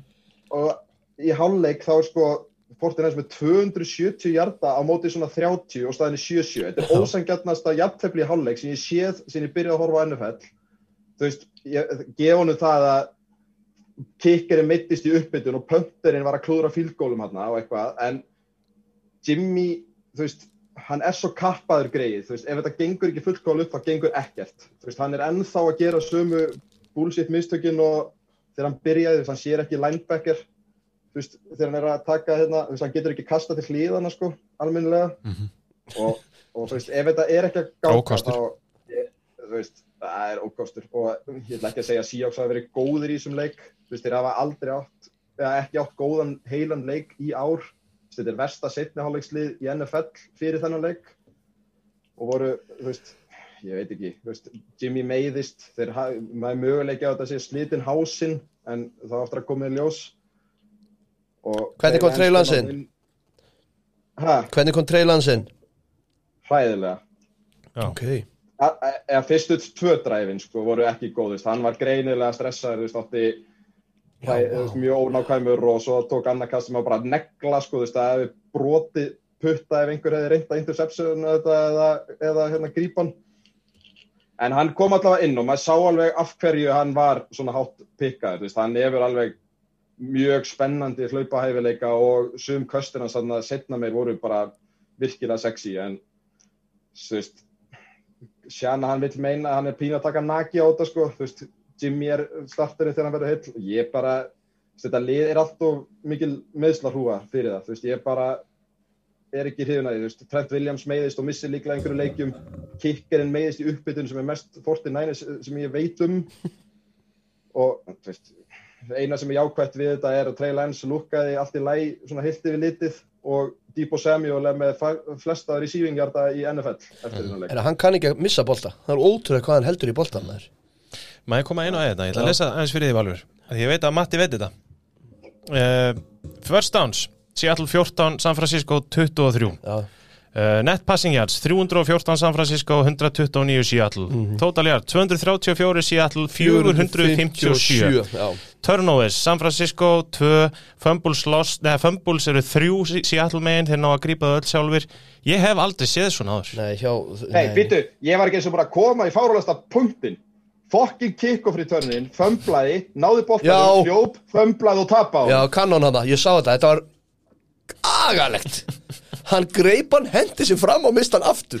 Að þetta er svona, en, en Seahawks er eiginlega bara, við gætum eiginlega stungið gaflið á Þeir eru eiginlega er er, ég Seahawks. Nei, Nænes, fyrir ekki, Nænes, Nænes Þetta var svo ósækjant Já, nei, Nænes, sorry. Þetta er lestur En við verðum að tala um Seahawks líka, sko. Ég, veist, Hvar eru við með Seahawks eftir þennan leik? Ég, er Takk ekki í 49 hrifinn af þeim, úr opninum maður Þeir eru tilbúin Hvað segir þau? Ég, þetta síjóksni, eins og ég sagði á hann, þeir hafa bara átt góða hálfleiki. Það er alltaf, Æ. þú veist, setni hálfleikurinn í öllum leikjum hafa verið hræðilegir nema í þessum. Mm. Og þá var fyrri hálfleikurinn hræðilegur. Já, já Þú veist, ef þeir ná ekki að tengja saman hálfleiki, þá eru þeir aldrei að fara að gera eitthvað svaka dæmi, sko. Og þessi börn er ekki góð. Nei, Það bara, hún er það alls ekki, þú veist, hún steig upp þarna og náttúrulega fekk þarna, þú veist, Shannon sagði að hann vissi ekki með að Kyle væri átt fyrir en sko það væri smá eftir að hálfleiknum þannig að þetta fór allt í skrúfuna sko, allt gameplan Mhm. þannig að það ekki þessi tíma til að búa til eitthvað bráðabyrðadrast sko það og svo, þú veist, ég veit það ekki Seahawks og 49ers verða bara í þriða og fjóra sæti í þessu riðli veit ekki hvernig það mun enda en Mhm. Þetta er hérna bara, mitt, mér langaði bara að spyrja því, þú veist, þetta verður hvað er, eru tvær viku síðan við tölum um að vestur riðlarnir hvorum einn yrðu lang bestir þetta var ekki þvíli keppni, þetta var svakalegt og svo sér maður núna að það eru bara því miður tvö afbörðslöglið í þessum, í þessum riðli. Beint yfir í næsta leik. Um, var með hann. Ótrúlega satt. Los Angeles Rams 20 óvænt. Arizona Cardinals 37 um, ég er að veltaði fyrir mig strókar að því að síðustu helgi þá uh, sá ég Cardinals ræpa næst í upp á baka móti Jaguars. Og ég hausa með mér bara holy shit, erum við að fara inn í eitthvað svona kjaftaðist tímabil með Cardinals aftur? Eftir þessa helgi er ég að hugsa, einmitt eins og ég sagði á hann er Cardinals bara eitt af bestu þremur, fjórum liðunum í deildinni? Af því að þeir fara í lið sem að ég var nokkuð örugur um að myndi taka þá bara þokkalega þægilega og vinna þá bara þokkalega solid 37-20 Matti Já, ég vildi bara, þú veist, við valur vorum að tala í síman í dag því að Facebook liggur niðri og við þurfum að hafa okkur eins og einhverju fornaldamenn hérna og, og hérna, við vorum sammála um það að, að MVP baráttan verðist vera á milli Murray og Prescott. Já, það sem eftir, það, það, sem er búið að tímabilinu og Murray var bara drullu góður í þessum leik. Á meðan að Stafford var þú veist, það er ekki mér finnst það ekkert skrítið út af því að að koma inn í nýtt kerfi, veist, við áttum að búast við einhvers konar hyggsti Mhm. og, og þó að þessi kardinalsvörn er ekki góð á blaði, þá verðist hún vera að hópa sér saman og gera ákveði sluti. Mhm. Þó, þú veist, Stafford á hann eitt eða tvö interception sem að eru frekar dýr, þú veist, Sony Michel fömblar, af hverju er Sony Michel að þá að spila, veist, og hérna, að ég veit ekki, þetta er bara, þetta var eitthvað svona, Rams áttu bara svona niðurleik, ég hef engar þeim eftir en leik, en þeir áttu bara svona stæmandag og, og NFC West leikir eiga til að vera svolítið fáránlegir. Sko, það er líka, það er líka annað í þessu að því að uh, jú, jú, við getum talað um það að Matt Stafford hafi kannski ekki átt sinn besta leik ekkit hræðilegu leikur. Hins vegar er kannski vandamáli í þessum leik fannst mér vörninni á Rams sem ég fannst bara alveg afskaplega slög og það sem kom mér mest óvart var að Cardinals ætti það í sér með Chase Edmonds og James Conner að hlaupa tæpa 200 hjarta á. Það kom mér á óvart. aðalega svona, já, en ég er alltaf sko Rams, meina, Ra- Conner sko, hendur samt í tvö, bara hendur í tvö touchdown Já. bara svona upp á fönnið að því sko. Rams missi náttúrulega defensive coordinator sinn fyrir tíðanbilið, Staley sem fyrir Chargers. Og maður hlaut ykkur tíma maður, maður sá bara ekkert regression hljó- hlaut ykkur tíma að koma að því. Og þannig ertu með eins og Matti nefnir með Kyle Murray ég meina hann er, hann, við vitum allir hvað hann getur gert í löpunum En þess, á þessu ári er hann búin að vera frábær í höndunum líka. Ég heyri geggjaðan punkt í öðru podcasti og ég ætla bara að stila honum. Og það var það að hérna uh, Kyle Murray dalaði í fyrra. Og þetta var Simon sem sagði bara ég er nokkuð vissum að Kyle Murray hafi bara verið svolítið meittur og vissum að fá heilan Murray af því hann lítur nákvæmlega eins út eins og þegar hann leit út best í byrjun tímabilsins í fyrra. Og svo er annað við þetta kardinalslið sem maður kannski gerði ekki alveg ráð fyrir og fleiri svona af þessum gaurum sem er stálu sem eru, þú veist, eru gamlir eða hafa verið svolítið Já, slagir já. eru að koma, það var engin endilega ætlast til þess að AJ Green er þið bestur. En hann er samt, þú veist, hann er með 41 hjarta touchdown, það er líka það sem hann getur því að hann á er, sko. hann er helvitis skrokkur, Já. sko. Sko, ég, já, og sko, það sem að það í vörðinu það sem tvent sem stuðaði mig svolítið við Rams í fyrsta lagi, þeir eru svolítið að þvinga boltanum að Cooper Cup núna þú veist, þeir eru alveg með, þú veist, Robert útstatna á þess að gutta. Mér finnst þið svolítið vera þvingunum á Cup núna eftir þessa byrjun hjá þeim, en Já. kannski láðan hver sem vil og McVay var ekki nó, alveg nóg aggressífur. Hann, hann tók hann að fílgól sem ég skildi ekki einu sinni og pöntaði á forþenn von eða túminni með á bara 40 eða ég man ekki á, veist, á vallanum ekki. Þannig að ég hefði viljað sjá hann vera auðvitað aggressífari en, en já, þetta var bara allt krediti cards sem að virka bara ótrúlega flottir. En í mínum huga eru þeir ennþá einum skítaleik frá því að vera bara einhvern veginn að ég fer að detti í cancel, já, að missa ég þeir, eru ekki alveg komnir í, í elítu, elítuhópin meðan til allan, þannig að, þú veist, hjá mér akkurat núna, skilju hvað ég meina? Með rauða riflinu með rauð, nei, nei, hérna, þú veist, og, en, En ég hugsaði samt, bara þannig við tökum það og segjum það bara hérna, þú veist, þetta eru þetta eru allt í lagi lið sem þeir eru búin að vinna. Ég, þess vegna langar mikið að hæpa þá of mikið. Ég meina þeir vinna Titans sem tapa móti Jets núna. Ok. þeir vinna Vikings sem eru 1-3 Ok. þeir taka Jaguars og eru bara í vandræðum megniða fyrir hálfleik og vinna, núna tóku við leik og veist, það er eitt að vinna Rams með þrem stegum með fylgóli í lokin. Það er annað Ja, að baka á 37-20 og nú fá, fá þeir tvo leiki í röðu sem ég er svolítið spennt fyrir. Þeir fá Indivision leik á móti 49ers og svo fá þeir Browns. Já. og Já, það er einmitt eins og þú segir ef þið taka tvo tvær ræpur núna í röð eða vinna bara þokkalega vel tvo leik í röð þá er þetta bara Já, bullandi uh, já, bara Akkurat. NFC Championship og bara til að segja svo þessu hrein maður er ekki að tala á niður. Þeir eru bara á aðeins stittir ól en sum önnulið það er svona, en djúvill utan það hvað er ótrúlega góðu sigur fyrir þá af því að þeir eru núna 1-2 þeir eru að fara að keppum fyrsta sætið í vest. 100% það er þannig. 100% Ef að veipa okkur yfir í næsta leik eða hafið þið eitthvað meira um nei, nei, hundum okkur í næsta því þetta að segja uh, Ég ætti kannski að vita hvaða leikur það er. Er það ekki bara okkar menn? jú, jú. Go Pack Go. 27 Steelers 17 Hvað þú valið minn? ég sé bara drullu gott. Þarna, það var svona uh, tvent sem að kom upp í huga minn eftir hann leik. Í fyrsta leið þá finnst mér pakkas vera hlaupalið. Við erum hlaupalið. Og bara ef að hlaupaleikunum virkar að pakkas þá virkar sóknin. Þú veist, þannig að við erum með AJ Dillon sem var frábær leiknum og Aaron Jones sem er bara með betri hlaupurum í deildinni. Og svo MVP-ið fyrir aftur þá þannig ef að hlaupaleikunum virkar að pakkas þá, með, þá, þá eh, hefur maður áhugjur af því að Rodgers gerir ekki eitthvað líka skilur hvað meira Ja. uh, þannig að það verður ekki one dimensional. Svo vörninn finnst mér bara að vera að trenda í rétt átt og þessi Joe Berry er svolítið að, að koma upp í mínum bókum hann að nýja defensive coordinatorinn. Það er erfitt að taka eitthvað úr þessum leik á þess að hugsa um meðslinn á Jerry Alexander. Og ef það er season ending þá er það helviti erfitt að fara inn í restina tímfélum með Stokes og King sem er cornerbacks 1 og 2 hræðilegt. og það verður bara að segja því miður að því að ég skal alveg ekki það ég var bara að fara að hugsa um heyrðu, þetta lið gæti alveg að fara í Super Bowl og ég veist, og auðvitað er maður svo hátt og látt í þessu en, en, en, ég, en, en aftur bara þannig að uh, kárum bara pakkas og svo hugsaði líka að það vantar tvo bestu gaurina í sóknulínuna á móti þessari stílusvört og þeir bara heldur sínunum þokkalega vel Einmitt. Og það vantaði- var ekki vott aftur komin Jú, T.J. Watt var hann Þannig að, jú, þannig að ég bara var ótrúlega bjart sitt pakkasmaður svo samaða meðslinn en það er bara eins og það er. Ég var að fle- fletta þessu upp, það er no uh, injury update Nei, jú, málega er samt, þetta er AC joint og uh, Malliflur útilokaði ekki season ending en þeir eru að fá setni álit. Þannig að ef þú ert að fá önnur álit þá er það vantalega til að þá er þetta eitthvað slemt sko. Já, já. en allavega, hérna, við verðum sko, vann þetta að mínum að þetta skildu sigur með ástandið á leik. Ég líka, ég skal viðkynna það.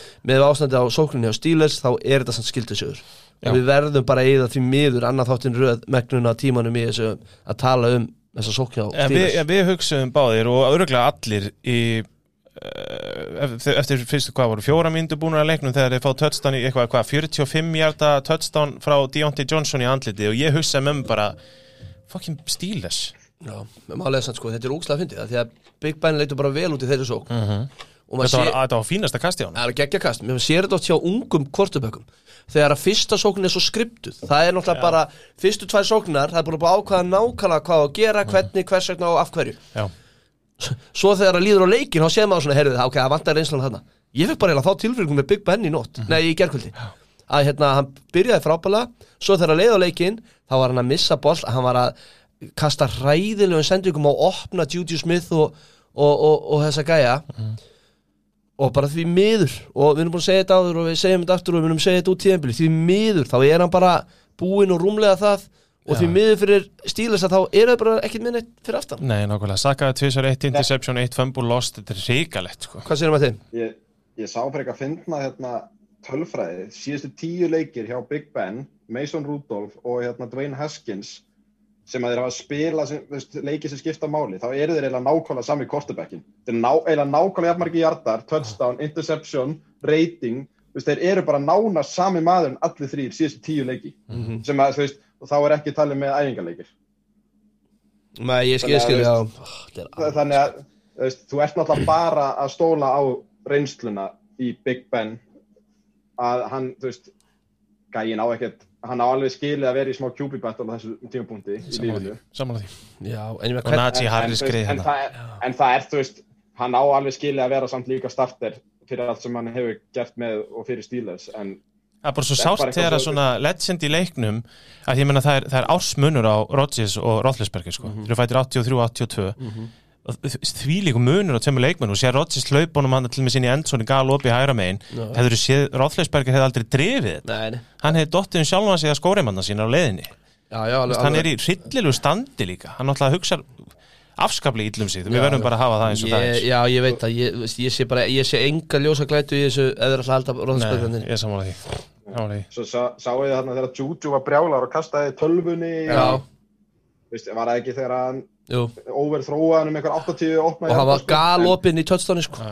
Galopinn svo, svo, var, svo var einhver sko svona sérfræðingur á Twitter sem að las varinnar á honum og hann segir eitthvað sem lítur út frá að vera it's a Ben problem Ég meina, gæinn hefði bara átt að skrifa undir á Kansas ef hann ætla að uh, hérna, gera eitthvað úr ferlinu sínum. Hann hefði geta verið núna að- maka krókin hjá Kansas. Þau buðu hann samning. Hann afþakkaði. ef hann væri þriði gripparinn hjá. Kansas og svo, svo þegar maður horfður á statslínu og hugsa maður er 2017 eða touchdown frá Randall Cobb og Mason Crosby með rest? Já, Randa kom stegu upp í fjárúru vant skallin Já. Það er bara velkist þrjú touchdown, Aaron Rodgers 1, Cobb 2 og svo restin field goal frá Mason Crosby. Já, ég var, hérna, ég var nýbúin að sleppa orðinu heima og voru nokkur horfður heima saman Ég sagði bara, þetta er eitthvað skrítnast ákvörðun hjá svona stóru franchise eins og Pakkas að taka kopp aftur.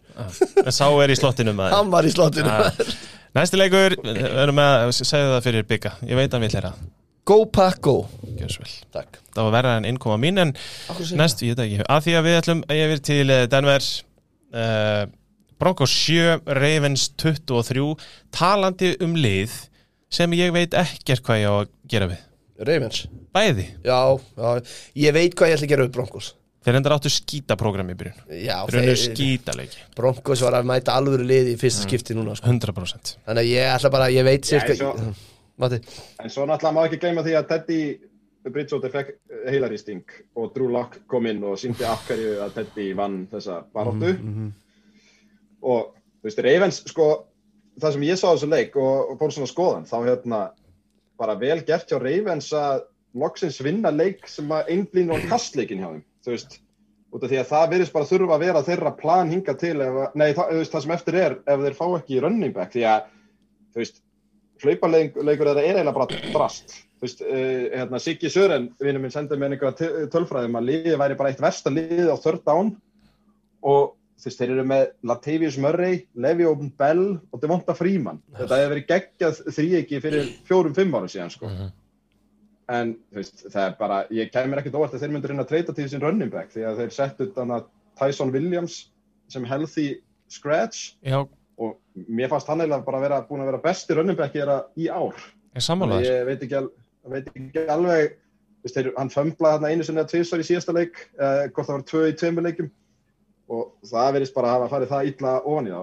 Og veist, við heldum við þurfum ekkert að tala sérstaklega um leikin út á skorinu en sá Nei, nei. er þið búin að taka eftir rif, rifraldinu milli Fangio og Harbo það er helviti hvar eru þið á því? Erstu maður að sjá? Ég hérna, skal alveg viðkynna það. Þegar að ég las það sem Fangio sagði þá var ég alveg, já, þetta er alveg ég, Svo las ég svarið. Skil, leið mér útskjöra fyrir hlustundum fyrst. Málið er sko að að reyfinskastliði met um að vera eh, x marga leiki í röð búin að hlaupa yfir 100 hjarta. Mhm. og þegar þeir voru búin að vinna leikin í staðin fyrir að taka hnje og nokkur sekundur eftir 10 sekúndur þá voru þeir 97 hjarta. Mhm. þannig að í staðin fyrir að taka hnje eins og er alltaf gert þá hljóp Lamar Jackson með hann í 5 hjarta og laðist niður þannig að þeir náðu metinu. Sorry, Kalli, halda frá Nei, allt í góðu. Já, Og Fangio var brjálagur yfir þessu af Því að það er náttúrulega health risk og bla bla bla bla bla bla En Já, svo, nei, sko, það, það, var- það, það er eiginlega meira bakvið þetta því hann segir sko, þetta er bara þannig þessi þeir vinna, þeim er drullu saman með safety. Og það finnst næst sko, Fangio var linebackers coach í Já. tvö ár undir Harbo hjá Ravens. Hann sagði ég veit hvernig þið vinna þennan mér fannst líka alveg áhugavert að Því að Harbo svaraði bara Þeir voru samt ennþá að kasta boltanum eins og geðsjúklingar Löngu búin að tapa um ein mínúti eftir og einhverjum tíu, hvað voru þeir mörgum þeir voru já, já, 20 stigum myndir eitthvað, já, 14, 14 stigum myndir. Þannig að hann bara gaf afskaplega lítið fyrir það að hann mætti ekki hlaupa eitt kerfi í lokin en Fangio hann eða að loppa boltum bara streik beint myndi- upp alla völlin Já, en segjum að myndi hitta eitt, eitt já, En var það að fara að gerast? Nei, en það er samt, þú getur bent á séns. Ég- ég- út með trúlokk, sko, það er engin séns. Ég, ég hérna, er Þú veist, þetta er náttúrulega grenjuskapur í Fangio en mér finnst líka svarið eiginlega meika ekkert sens því að það, ef að þeir eru ná Hail Mary og onside kick og annað Hail Mary þú veist, það hefur alveg fáranlegri hluti gestur í NFL Já, ég er Ég held ekki, ég held að það hafi bara aldrei fánulegi hlutu gerst en að Drew Lock gerir það. Er, þeir, Falcons klikkaði á þremur onside kicks eða hérna Já, já. eða náðu. Náðu þeim, Já, náðu þeim, en það var líka með Young Way Já, já, en, en, en sko mitt, sem er mitt- betri quarterback en Drew Lock en hvað segir Mín tvö þessu umræðu eru að met sem er slegin svona Mhm.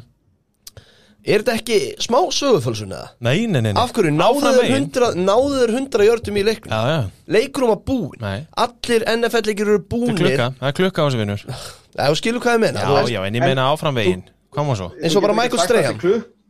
sorry, sorry, Sack sorry Sakk rekordi á Michael Strahan Mhm. Hann lappar upp að Brett Favre og segir Hei Brett, ég með vantar eitt sakk í viðbót Það er búin að slá metið Gefur mér það ekki Herru, Brett fyrir kerfið Tekur ykkur á reverse route Beint í fangjáðunum og hann sakkar hann Mhm. Hann á sakkmetið í dag. Ég, veistu það, gott hjá hann Já, ok, ég Bara er ekki alveg- ég- En ég- ég skil alveg hvað þú segja, svona er þetta bara. Já, ég, ég skil, sko, ég er ekki að segja mér- þetta mér- Matti, já Mér, langar svo að vera ósamála kalla því að hann segir að það sé ekki að hann þeir megi ekki kasta því að leikurinn er búinn og þetta er Nei, fárlega. ég, ég sagði það ekki, þetta var bara allt í lagi svara svo aðeins að svara fyrir sig Spilaðu aftur? Nei, ok, alltaf hann Nei, en þú veist, og segja svo að leikurinn sé ekki búinn þegar það er, er eiga bara að fara nýra á hnýjan. En þú veist, eins og ég segi, mér finnst þetta eiginlega bæði fárlega. Já, þetta er bæði fáráli Já, maður missir ekki þessu, sko. Nei, nei, ég missi mér Nei, nei. ekkit Mér varst aðalega gaman bara að En fann þetta- svo var svo heitur sko En ég skil, ég skil alveg harpa sko. Ég skil alveg, ég skil alveg að fara á eftir metinu og, hérna, og eins og þú segir, það er klukka á leiknum Mhm. En þú veist, vanlega var hann búinn En það er svona. En hérna, Brokko, ég held að Brokko sendi bara sem miðlungsliðið í ár.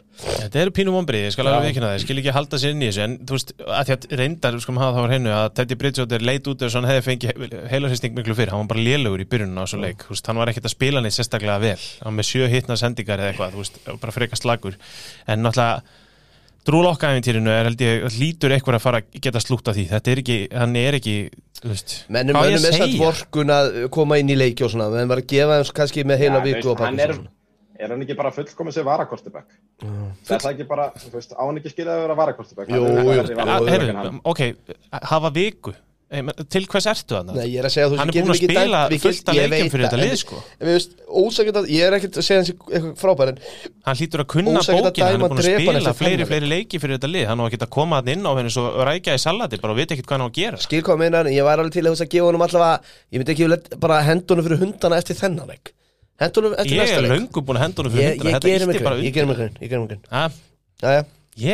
veit ekkert upp það. Ég- ekki þú hafa Næsti leikur, síðasti leikurinn Yfirferð okkar í dag yes. er uh, New England Patriots 17 Tampa Bay Buccaneers og Tom Brady með endurkomu 19 já, Svakalegur endur á þessum leik. Þetta var geggjaða leikur. Djúvill hafði ég gaman að þessu. Það er endar mjög fyndið, þú ert svo eini sem talar um geggjaðan leik. Það Nei. er mjög margir sem segja að síðasti kortirinn var mjög skemmtilegur en restin af þessu leik var Já, þetta var hræðilegu leikur, Já. ég skrifaði fyrsta, fyrsta teikið mitt í þessu leik er er þetta tvö meðalið að spila? Af því að Tampa Bay með þessa vörð þar sem vantar bara allt sekundarið og hann fór út að mittur hérna gæðin hann, ég manni hvað hann heitir. Sjörmann eða? Nei, nei, Sherman var Nei, þarna. Vi- Winfield. Carlton Davis. Já, Davis. Akkurat. Herru, Sherman byrjaði inn á sko. þessu, sko. Og ég hugsaði bara, herru, þetta eru bara tvö meðalið. Rigningin hjálpaði ekki, ég veit að þetta er ekki með Tampa er ekki með þetta En hérna, rigningin hjálpaði ekki, Tom Brady leit ekkert sérstaklega út Og enda á að vinna þetta það sem að þeir klikka á fílgóli á 56 hjarta fílgól Í staðan fyrir að fara á fourth and, hvað, 3-4 þá tókuðu fílgóli sko og sparkaði stöngina. Þannig að ég hafði ógislega gaman að þessu og ég hafði svo ógislega gaman af hvernig Tom Brady var í lokleiks og svona en þetta er eitthvað mesta anti-climax með sem er slegið, vitið þið hvernig það var? Nei. Heru, hann kastaði 65 hjartar eða eitthvað, var ekki? Nei, jú, hann þurfti 65 hjarta eitthvað, það var rétt hjá Matti í síðast þetta, ég var náttúrulega aldrei að leira þetta og kemur með tölu að, hérna, og, og hann kastaði fyrir að því ég virti segjum bara sjöjörnum Já, og þá, þá koma, koma Collinsworth og, og hérna, Michaels bara, já, heru, nú vantar hann einn hjarta til að jafna metið. Svo kemur smá stopp, svo bara, nei, heyrðu, þeir færði þetta fram um eitt hjarta þannig að hann er búinn að jafna metið. Svo kom eitthvað smá pása, hvort það var injury eitthvað, svo kom bara aftur herðu, þeir eru búin að færa þetta fram um eitt hjarta þannig að hann er komið með metið hann, hann, þú veist, hann, hann kastaði og þeir færðu það fram með tvo hjarta. Ég er ekki að segja að það var út af metinu þannig að þá sló hann metið, það var frekar spes sko. en ég hefði ég, líka, um. það, Patriots, veist, var gerðið ykkur pása á leiknum til að, Nei, að því að, að, Fagna því að, þessu. að, því að þú veist, það var nýbúin að vera pása og enginn vissi að hann var að slá metið að því að það vissi það enginn fyrir en það var bara að færa boltan fram. Þannig að þú veist, það var enginn tími til að fara. En það var klappað, jú, og það var fór upp á skjáin og eitthvað, en ekkert eitthvað til að ringja heim fyrir, sko. Tvö tekja mér. Já, Fyrsta lagi, til hann ekki Tom Brady hann er held í fjóri leikmann í sögu deildarana til að vinna öll, liðin. lið, sem er ótrúlegt. Já. ég, bara, ég pældi ekki einu svona í því. Hann átti bara fokkin Patriots eftir. Númer tvö, núna vita öll, allir Patriots fans hvernig öllum hinnum hefur liðið að vera á móti Tom Brady lappandi upp öllin og hérna þú veist eins og hann gerði hann í lokin næri í fylgól ég bara segja, það er fínt að Patriots fans fái rýtingin að horfa á Brady vinna með einhverju svona döngi, þú veist, heyra í helviti stönginni núna þegar, að, þú veist út vikuna, ég elska Já. Brady kláraði Patriots fans Matti, Og þú ert á. Matti, þú er að unmute þig Já, ég er sérst að tala við Bigga og fá hann til að tippa. Já, sorry, ok, já, þú mátt mute þig Málega hérna Já, en ég fekk samt aldrei á tilfinninguna að þetta var eitthvað breyti í leikur, sko Hann, hann var ekki góður í þessu leikfans mér Overthrowaði menn Var og eitthvað svona góður í þessum leika? Nei, reyndar, að ég er svona ekkert Það var eitthvað svona ábyrðið, það var náttúrulega eitthvað rigning rigningadrulla bara það ekki og Vörnin og Pats var nokkuð En hérna er góður og reyndur kjúpi hefði unnið þetta tampalið Ég er alveg 100% því En ég ætla samt að hrósa Mac Jones Mér fannst hann bara flottur sko. Mhm. Þú veist, alveg bara svona solid og, og eins og ég skrifaði á spjallið Ég var náttúrulega einn að spjalla á sjálfa mínút ja. Að ég, núna veit ég af hverju ég Þoldi ekki breyti En það er eiginlega sama ástæðu fyrir ég fíla Mac Jones núna. Að þessi sókja Patriots sem hefur verið gegnum árin Er bara leiðileg Þetta eru svo stuttköst og svo uh, hlaupæjartar Stuttköst og það fór bara í töðunum þegar menn voru alltaf að mæra hérna, Tom Brady mm -hmm. að því að mér fannst þetta svo leiðileg sókn. En auðvitað, hann er bara langbestur og það er ekki hægt að segja neitt annað. Nei. og ég er einhvern veginn farin að fíla hann meira og meira núna. Ég skil ekki á hverju, komið í Eh, NFC getum við samt haft það alveg á hreinu að, að Patriots voru með 0 í arda hlaupna í þessum leik. Já, já, voru ekki með einn var- Ja, mínus einn. Mínus einn, já, mínus einn, já. Ég er bara, það er Það Ég er líka Bill Belichick sókn bara uh, Í rigningu, ja, mínus sko. einn Í- já. í- í sko Já, mikilli þú veist það sem er eina sem þú hefði þurft að gera og ég meina, Mac Jones, þú segir uh, gaman að sjá hann alltaf, sá hafði eitthvað að gera líka. Já, já, maður kastaði einmitt. 40 sinnum. Ég var impressed með hann, ég var alveg, ég, ég hafði gaman þessu og ég hafði ógeðslega gaman þessu leik, ég elskaði hann Já, já. ég ætla ekki að ætla ekki að tuði við því. Nei, Erum við þá góðir eða? Ja, Biggi byrja að helsa og blessa hann. hann er að tippa eins og við erum að tala núna og Mac Jones síndi hann á heima í NFL og nú getum við haldið áfram. var byggjónum fullur, Matti Já, ég veit ekkert hvað hann sagði sko. Það er alveg spurningum að ringja bara í hann Biggi. útvarp. Dolphins, Super Bowl Tóa, hvað erum við það? já, bara túa Æ, það var ríkilega gott var að henda honum inn á hann tímisfund sem þeir eru með hann að hinum einn Já. Herru, eigum við að uh, fara í tipp og uh, tippadal og hérna uh, velja okkur leiki. Eigum við ekki bara velja fyrir bygga Nei, hann, hann, við bara segjum hvað hann verð með hérna. Er hann er byrjað búin að tippa Nei, ég er að segja að við veljum fyrir bygga leiki Já, sem jú, hann jú, fær að horfa á. fyrirgefðu, jú, jú, jú, uh, Hver vann síðustu Eh, byrju, viku? Jú, jú, við ætlum bara þannig að sjá hreinu þá er náttúrulega eitt leikur eftir í umfyrinni hann, er- rétt. hann er í nótt. Við erum búin að ræða hann samt. Uh, Reytist það í Chelsea. síðasta Já, þætti. ég veit það, en bara uh, þannig að við séum að taka alla leikina. Við erum búin að fjall, nefna alla Við leikina erum búin að nefna hann. Reytist Chelsea, geggjaða leikur. Frábær. Og talandu geggjaða leik 50. leikur er næsti Býtu, er, er góð fynda? Chef's Kiss Það er svo leis Það er LA Rams Seahawks Ha! Chef's Kiss! Já, ég sagði, hvað? Og heldur, þetta var bara fyndið. Ég ætla að laggi væri komið Herru, getur eitthvað sagt mér hver vann tippkjörna? uh, Ég All- Allir nema þú. Já, Já, það er allir. ég er samt að vinna tippkjörna Þannig að það er það eina sem þú skiptir máli Þú, þú ert, eh, viku fjögur, þá erum allir með tíu nema þú, þú ert með Ef Við viljum hafa þetta þannig. En þú ert held í efstu samt sem aður. er Já, með já. einu, já Herru, flott, þá megið þið bara fara í skæri bláða steitt Hvor eitthvað vill byrja? Mm, Ég skal, ég skal byrja. Flott. Valur, svo Matti, svo við ég tala um Rams Seahawks Svo Biggi, Biggi fyrir á törnið. Rams Seahawks er geggjaður Sjálfsögur gerum við það. Ég er bara að segja hvað við ætlum að gera almennt. Ég er að reyna að stýra þessu skipi hérna, slaka ég, þú á. ég, ég skil ekki, ég held að þú smittast að bygga í fylli hérna. Herra, hérna, Rams Seahawks er geggjaður finnst Og við, þið eru allir með Rams og ég er með Seahawks. Ég get ekki sagt Jú, ég ætla bara að halda Sjálfsögðu það. Jú, getur ég þú það. Ég held samt að ég vinna þetta aldrei Rams er með miklu betur sókn en vörnin á Seahawks. Ég held bara Ég- ég að held- Ramson ég með törn að- eftir svona tap Já, verði í bakstur sko. Af því að Seattle vörnin er ekki góð sko. Ég veit það. Ég, þetta, er, þetta, er, þetta, er, þetta er heimskur úlfur En ég er ekki sem að halda með hann. Ég Ég er með ekki. Ég er með Championship ring Þannig að ég get lift mér. Já, það er rétt. Hann annaði en við hini Það er annað, Hérna ég og Matti. botninum. Ég og Matti. Já, já, Já, já. það er eins og það er. Já. Eh, Það er svo sem ekkert margt kannski endilega segjum hann nema bara við, náttúrulega við tökum hann allir saman Eh, það er samt, þetta er, þetta er alveg áhugavert vegna þess að það er eitthvað svona innanbúða deildar rugli í gangi hana eins og þú sagðir, það voru tveir ge- geggjaði leikir í setningluganum úr, úr vestinu hana, NFC West og núna fáum við Rams Seahawks og við heila bæði liðin, þú veist, Seahawks eftir góðan sigur Rams eftir erfitt tap yes. ég tek Rams Já, allan og, daginn og, og við fáum alltaf sko aftur NFC West því að Já, 49ers er á móti Cardinals Já. líka. þetta er ekki vaninn Nei, ekki, ekki því að to þetta back gerist nei, mjög oft. nei, samlum, Þetta er ekkit eðlilega erfið, menjulega er þetta ekki svona erfitt sko. Yfirleitt bæður Jaguars eða Texans en það er náttúrulega þessi riðil Er það Londonleikur? Londonleikur, við erum ekki að fara í það. Þú átt að velja þér leik. Ég, á vel, ég ætla ekki að vera Londonleikin Nei, sannlega ekki. Það er Ég þetta velja væri ekki engin vitlu Londonleiki. sko. það, er engin undirbúningur. Hérna, hérna já, sorry, ég var ekki einu svona búin að uh, afsækja, ég var ekki búin að skoða þetta einu sinni. Æ, ég tek bara mitt standard pakkas Bengals, byrjum bara því. Ég sjá hvað er góðu við er á- okkar Hann er á stöðu sport. sport. Það er líka, sorry, það er eiginlega mest spennandi leikurinn. Þetta er ekki mjög spennandi umferð. Jú, Um, Eagles kart, nei, veist það, Panthers, nei. Ok, Ekki- sorry. Bara þú ert búin að velja leik. Já, ég veit það. Ég Og af bara- hverju ætlar að taka þenn? Nei, djók. Já, nei, ég, ég, ég, ég, sko, pakkas á að vinna þetta En Við erum að fara að vinna hann leik. Án Jairi Alexander og þessa væti sífara Getur verið veginn Já, já, ég hef enga stórfjöldar á að gera þessu. Það er Green Bay og línuna by the way. Og uh, við vörpum boltanum til Egilstaða Já, ég er með það fréttir að Facebook er komið í lag.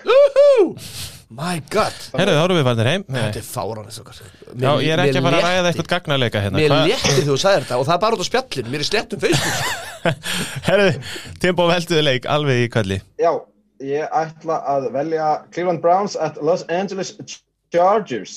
Það sem að ég held að þetta sé bara skemmtilegsta leikur um helgina fyrir utan kannski sunnudagsleiki sem við má ekki velja sem er Bills Chiefs. Oh my Og- god Það er góð leiki og sko. hérna það geggjaði sunnudagsleikur. En já, þetta er líka 20 glugginn en hann er svona fær að vera svolítið í friði með við hennan 17 glugga sem er algjörð fucking chaos. Já, og ég verðist vera með Úlfþóðan í Browns. Já, já, ávert mér langaði svolítið líka að, hérna, mér langaði að koma einu að hérna sem ég ætla nú bara að ræða við ykkur drengina. Að við eigum eftir að fá leikinn í kvöld Raiders Chargers. Já. og ég ætla að, að gefa grænljós að nú stýri ég þessum þetta Ok, að við breytum þessu ef annar lið lendir í því að Herbert dettur út eða slítur hásinu eitthvað náttúrulega ok bara þannig að það sé á hreinu.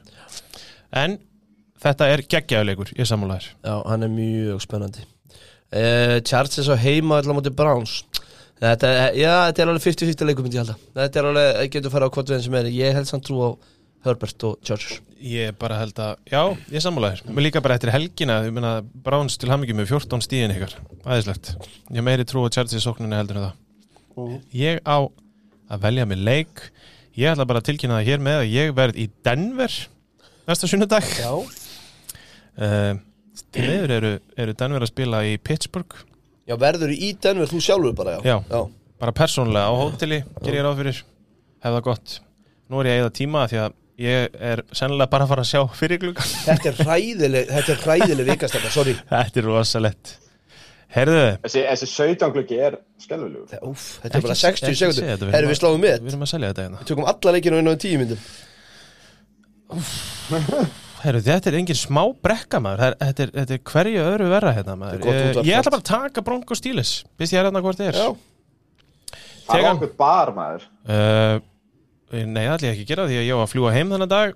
Það væri taktlust að mæta drukkin í flug en ekki gera það, já nema þú sett far því ekki úrst að vinna. Takk Kalli. Um, byggja á velja næst. Ef við ekki velja eitthvað gott fyrir hann. Tökum, bara, uh, hann er alltaf að fara að taka sko, hann tekur Dolphins. 100% Já, sem er komið hvaða leikur eftir En bæði við, hvernig haldið að Broncos Steelers fari? Þannig við fáum að Steelers content, ekki bara við að velja. Ha? sorry. Heldur að Steelers vinni? ég held að Steelers vörninn muni klára þennan leik. Bara, þú veist Ég held ég að held að Big Ben ég held að við sé svolítið svona do or die fyrir Big Ben til að save face og ég held að hann verði, þú veist nógu solid til að klára þetta með vörninni. Að ég, ég held að mitt akkur að döð Ég held að Broncos Ég vörnir muni klára þessa þennan leik ég á held að Von. Miller geti drepið Já, Big Ben í þessu leik. Og við erum Broncos er sagt með þrjá Við erum þrýra á Broncos og Matti með Úlf á Steelers. Já. en, en þá er það bökkunni það- Hvað segir? maður bara til að klára þetta, þú veist, ég ger ráð fyrir að Bridgewater sé ennþá með hausverk og lock startinu leik. Ég er nefnilega hef ágjörð því. Og þá ætla ég sko alls ekki að velja Broncos bara þannig að það sé á hreinu. Þú mátt ekki breyta öllu leikjunum Ég- ef að- að starting quarterback dettur út Valur, við hljótum að vera með Hann er, þú vitum samt þessar upplýsingar núna. Er lokk að vera að starta? Nei, við vitum ekki. Þá erum við ekki með þær upplýsingar nú Jú, við vitum samt að það er möguleik að hann starta ekki. En það er annað ef að Herbert meðist í kvöld. startar þá held ég að, að Denver vinni. Ef að Drew Lock startar þá vinnur Pittsburgh. Ef, ef að hann hérna Já, Brissett. ég skil, já, ok, ok. Er, skoðum þetta, Já. það fyrir fyrir nefnd. Ok, en þá er það byggja að Miami. Dolphins að tampa. Já, og hann er náttúrulega bara að fá það því að hann e, þykist þeirra Dolphins aðdáðandi hann er þetta brjálæður, það er eiginlega sorgast að hann sé ekki hérna til að, að æsa sig yfir þessu e, hann er alltaf búin að opna sig um það að það hefur sennilega verið mistök að taka ekki Herbert fram með túa uh, Ég ætla nú bara að segja það eins og það er. Ég held að Buccaneers baki og Má ég velja setni leiki fyrir hann? Já, Ég ætla að gera það, en það- go for it. Velja Já, ég með langaði allavega, ok, ég skal tilnefna Raiders Bears í 20.05 klukkanum Ég ætla bara ekki að leifa þér þetta. Aftur með þrjá fimmleiki um, Nei, ok, sorry. Ég ætla að bara, þú skildi leikin eftir Þannig að hann fær bara besta leikin sem er á borðinu og það er bara 49ers Cardinals Það er langt besti leikurinn, hann er að fara að vera á stöðtöf sport klukkan 20.25 Já. Þú hefði bara átt að gera svo alveg og taka leikin hann Þið getið svo samið ykkur út úr þessu. En ég er sorry, það fyrir- nennir enginn að horfa á Bears á móti Raiders. Heldur þið það?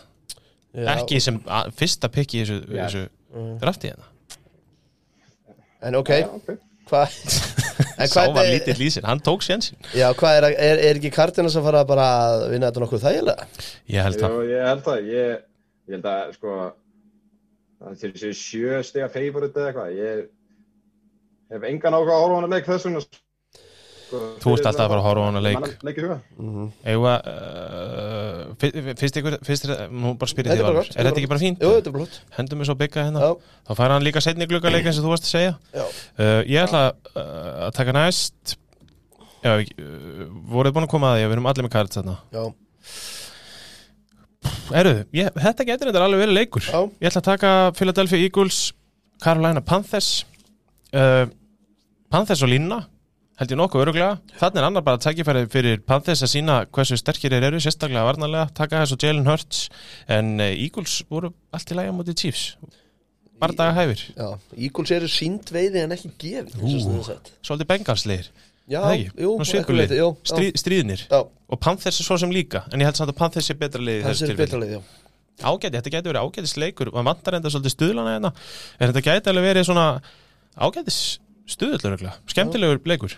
En Panthers held ég nokkuð öruglega favorites hérna Mhm. uh, Timbo, þú, já, ég ætla, fyrst að ég er búin að taka 20 leik, þá er mér langaði að taka Raiders Bears núna, en ég er að pælja að taka Saints at Washington football team, mm, þó að þessi leikur verður eitthvað drullu leiðilegur, en ég ætla að vona að þetta sé leikur sem allt smetli saman hjá báðum liðum bara, og þetta verði skemmtilegt. Ég og Matti tökum Saints og Biggie og Kalli fútboltím þessi leikur gæti samt bara verið frekar opinn af því að þetta eru tvær frekar slakar varnir. Já, sem er búin, búin að spila Sko, mjög illa. Pa Panthers áðan er uh, favorite Já. og New Orleans Saints er eins stiga favorite. einmitt, frekar jafn leikur, þetta er alveg spennandi. Við erum hérna, erum við ekki að vinna með kenninguna að Saints vinna annarkvæmt leik? jú, eða, þið, þið, já. Já, uh, Valur, Matti, Saints eða eitthvað, oh my god. Já. það er Matti. Og uh, ég og Byggi sem höfum oft fylgst að eru með fútbóltím sem er gæti verið algjöræpa en hvað veit maður? það eins og Hæniki, ég trú á honum. Já, hann er, mér finnst hann ekki liður, hann er skemmtlur uh, Valur minn, Já, ég ætla On að the taka, turn. ég, ætla að taka Bears Raiders. Ég hlakka til að sjá. Mér finnst úrslega gaman að fylgjast með þessu uh, dæmi sem að Fields Þetta dilemman sem að hann er með og mér finnst Raiders bara spennandi lið en þá reytis á línuna. Já, við erum með Raiders og línuna sem að mér, þetta er í Las Vegas mm. Það kemur óvart ef að Bears myndi vinna þarna. Kemur Sammála. ekkert óvart ef þetta væri blowout En ég, já, ég, ég það er eitthvað, eitthvað við Bears Þeir eru náttúrulega með pakkis í reyli Þannig að maður svona Já, Þannig- líka, ég, þetta, ég meina vörnin hjá þeim er, var miklu betri núna. Nei, Hún er nefnilega bara fín sko. og þannig að þeir eiga alveg sjensin Þetta getur leikur. Þetta getur leikur svo allir að sjálfsögða að taka Já, ykkur segja besta leikin sem er eftir Detroit Lions, Minnesota Vikings. Þú ert bara með NFC bara uh, north Já, ég undirlagt tek það bara. Ég, já, Þú besti. til hamingju Já, takk fyrir. Það er ákveðið bingo. Já, takk fyrir, það er, já, það getur ekki allir unni í bingo. Það get ekki allir unni í bingo. Það er ekkert sérstaklega spennandi leikur Ekkert mikið þar um að ræða. Nei, Eh, væri er á samt- spennandi leik sem er eftir. Væ- Nei, heyrðu, má ég hætt, skipta? Já. Já, ég ætla að taka London-leikin, Jets, Falcons. Það er alveg gjössalega fráleitt. Hann er klukkan eitt. Hann er góðan 13, 13, 13 Þú ert að fara í hátegisölara Ég veit alveg hvernig þú vinnur. Nei, ég, ég ætla að reyna að sleppa því en uh, maður horfir náttúrulega á Ef NFL er elska. sjónvarpinu og horfir maður á Það er breyt maður sem segir Ég ætla að reyna að sleppa því eins og það sé ekkert Það er alveg sjálfsög að tilbúin til að taka no. um, Ótrúlega skemmtilegu leikur Tökum hann í hátteginu uh, Matti minn, þú átt leik Já, leik. Já, við, uh, við bæði við erum allir með Falcons nema Matti hann er með Jets Herðu, talandi um það Er það eitthvað sak Wilson uh, yfir Já, ég er bara, er tilbúin að prjóna mig, yfir mig í, Ég veist, hata það ekki Nei. Wilson er, er yngri en Ryan flugið fyrir illa með giktina í Ryan eitthvað svona kjöftaði er það ekki eitthvað sem að byggja myndi segja ég Jú. er til í þetta Já. Alveg saman Og Hvaða leik ætlaðu að taka? ég var ekki með mjög djúpa greiningu þegar ég bjóð til þetta bygg uh, að því takk ekki bara Lions Vikings Mm. Það verðist vera svona á mesti kosturinn hérna. Já. langar þetta svolítið að sjá Cowboys aftur en, en hérna ég tek Vikings Lions. Gefið þið mér þá bara hérna, eh, Vikings, Lions Við vorum náttúrulega búin að ræða um Vikings og línuna. Gefið þið mér þá bara hérna, eh, NFC East Stórslægin, Giants, Dallas Cowboys uh, Þó ég hef ekkert við leikið setja klukkanum að gera þá held ég þetta bara getur verið Viltu, þrjusu viltu fínda. það skipta? Viltu treyta við mig? Já, Og Lions. Uh, Skoðum þess þetta.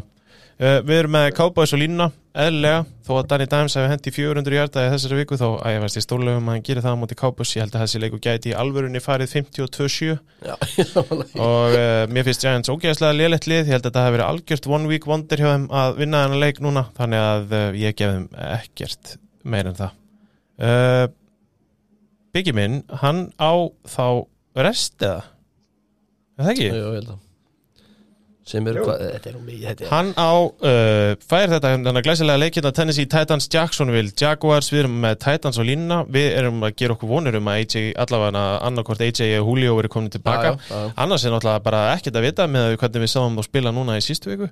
Þannig að það gæti farið í algjöran apa skít. Getur verið smá spark í rassin í aðeins sko. Jesus Christ sko. Og svo fá þeir uh, síðasta pikkið í þessari viku sem er Davis Mills og félagar frá Houston Texans sem fá New England Patriots í heimsókn og þar eru við með Patriots og línuna líka.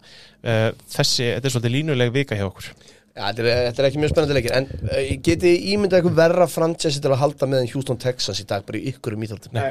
Þeir eru með, þarna- þeir eru með vonastjörnu liðsin sem er með allt þetta kæfta að bakinn á sér með þessar sexual hann dæmi. Uh, Það er ekkert að gerast í front office-inu. Nei.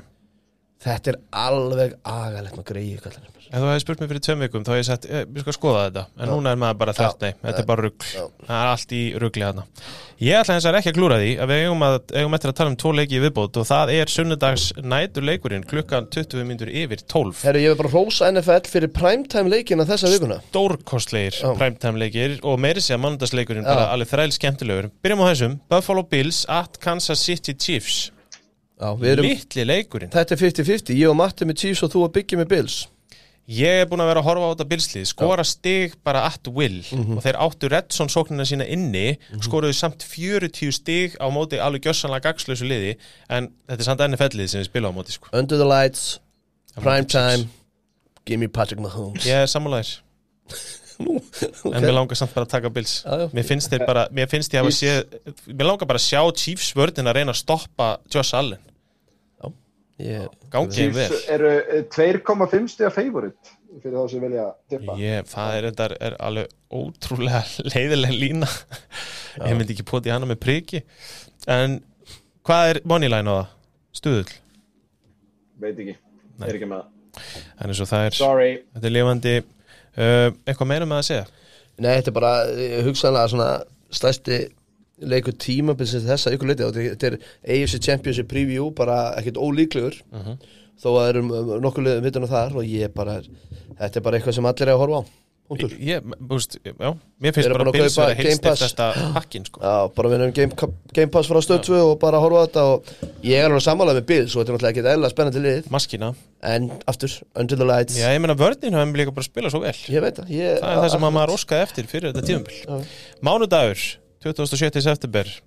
20 mínútur yfir 12 Indianapolis Colts fara til Baltimore. Mæta Er- Lama Jackson og félögum. Er, er, við segjum allir Reymens er frekjaði mér að vilja að Reymens vinna þetta þægilega? Nei, er það ekki? Jú. bara segja, bara, heyrðu, við erum mættir bara sorry með þarna fokkið um daginn hana Mhm. en við erum legit lið og Lamar er gæi sem að getur hlaupa og kasta Mhm. og við ætlum bara, við ætlum að vera svona liðið vettur Sammálaðir, hvað segir þú Mati? Já, ég er samanlega, þetta er reyndar ekki 2007. september. Þetta er það. klúður í copy-paste en, en hérna eh. Baltimore er líka sjö, sjö stega favorite þannig að, þú veist, jú, þeir eiga að vinna þetta öruglega en ef að Colts halda áfram að finna sig eins og maður segir, þá gæti þetta alveg að vera miklu meira spennandi en sjö steg þetta er í það minnsta. En tipp, en við erum svo allir með reyðans þannig að þetta er í það minnsta ótrúlega skemmtilegu leikur af því að út af því að Colts er svolítið vældkart lið Mhm. en þeir eru 1-3 samt sko, skulum ekki glemja Já, því ekki- við verðum eiginlega, klálega. þú veist, þegar þú segir vinna þetta þægilega, ég er sammálaðir Já. það er eiginlega svolítið krafa á Baltimore að þeir síni allavega einhverjum það þarf nú ekki allavega að sína okkur að við erum ekki það flotti strákar en þeir með að sína einhverjum að þeir geta eitthvað í NFL Herriði, þá er þessu lokið. Við mundum allt. Nú þarf að skóla þessu til Akureyra þessum þætti. Takk fyrir að koma Valur. Takk fyrir að bjóða mig já, bara mista málið og hérna Akkur byrjuðu ekki byggar nú hann er blekaður. Hérna bara gaman að heyri ég mati minn. Ég var bara takk fyrir að ringja mig. já, Já, þetta bara gekk furðu vel. Við Já. erum bara nokkuð sjálfbaka En við söknum bygga og hann verður komin í næstu viku. Eða ekki, ég held það. Já. sjáum til hvort ég mæti. Uh, við erum tíu hjartanir takk, takk. Bless, bless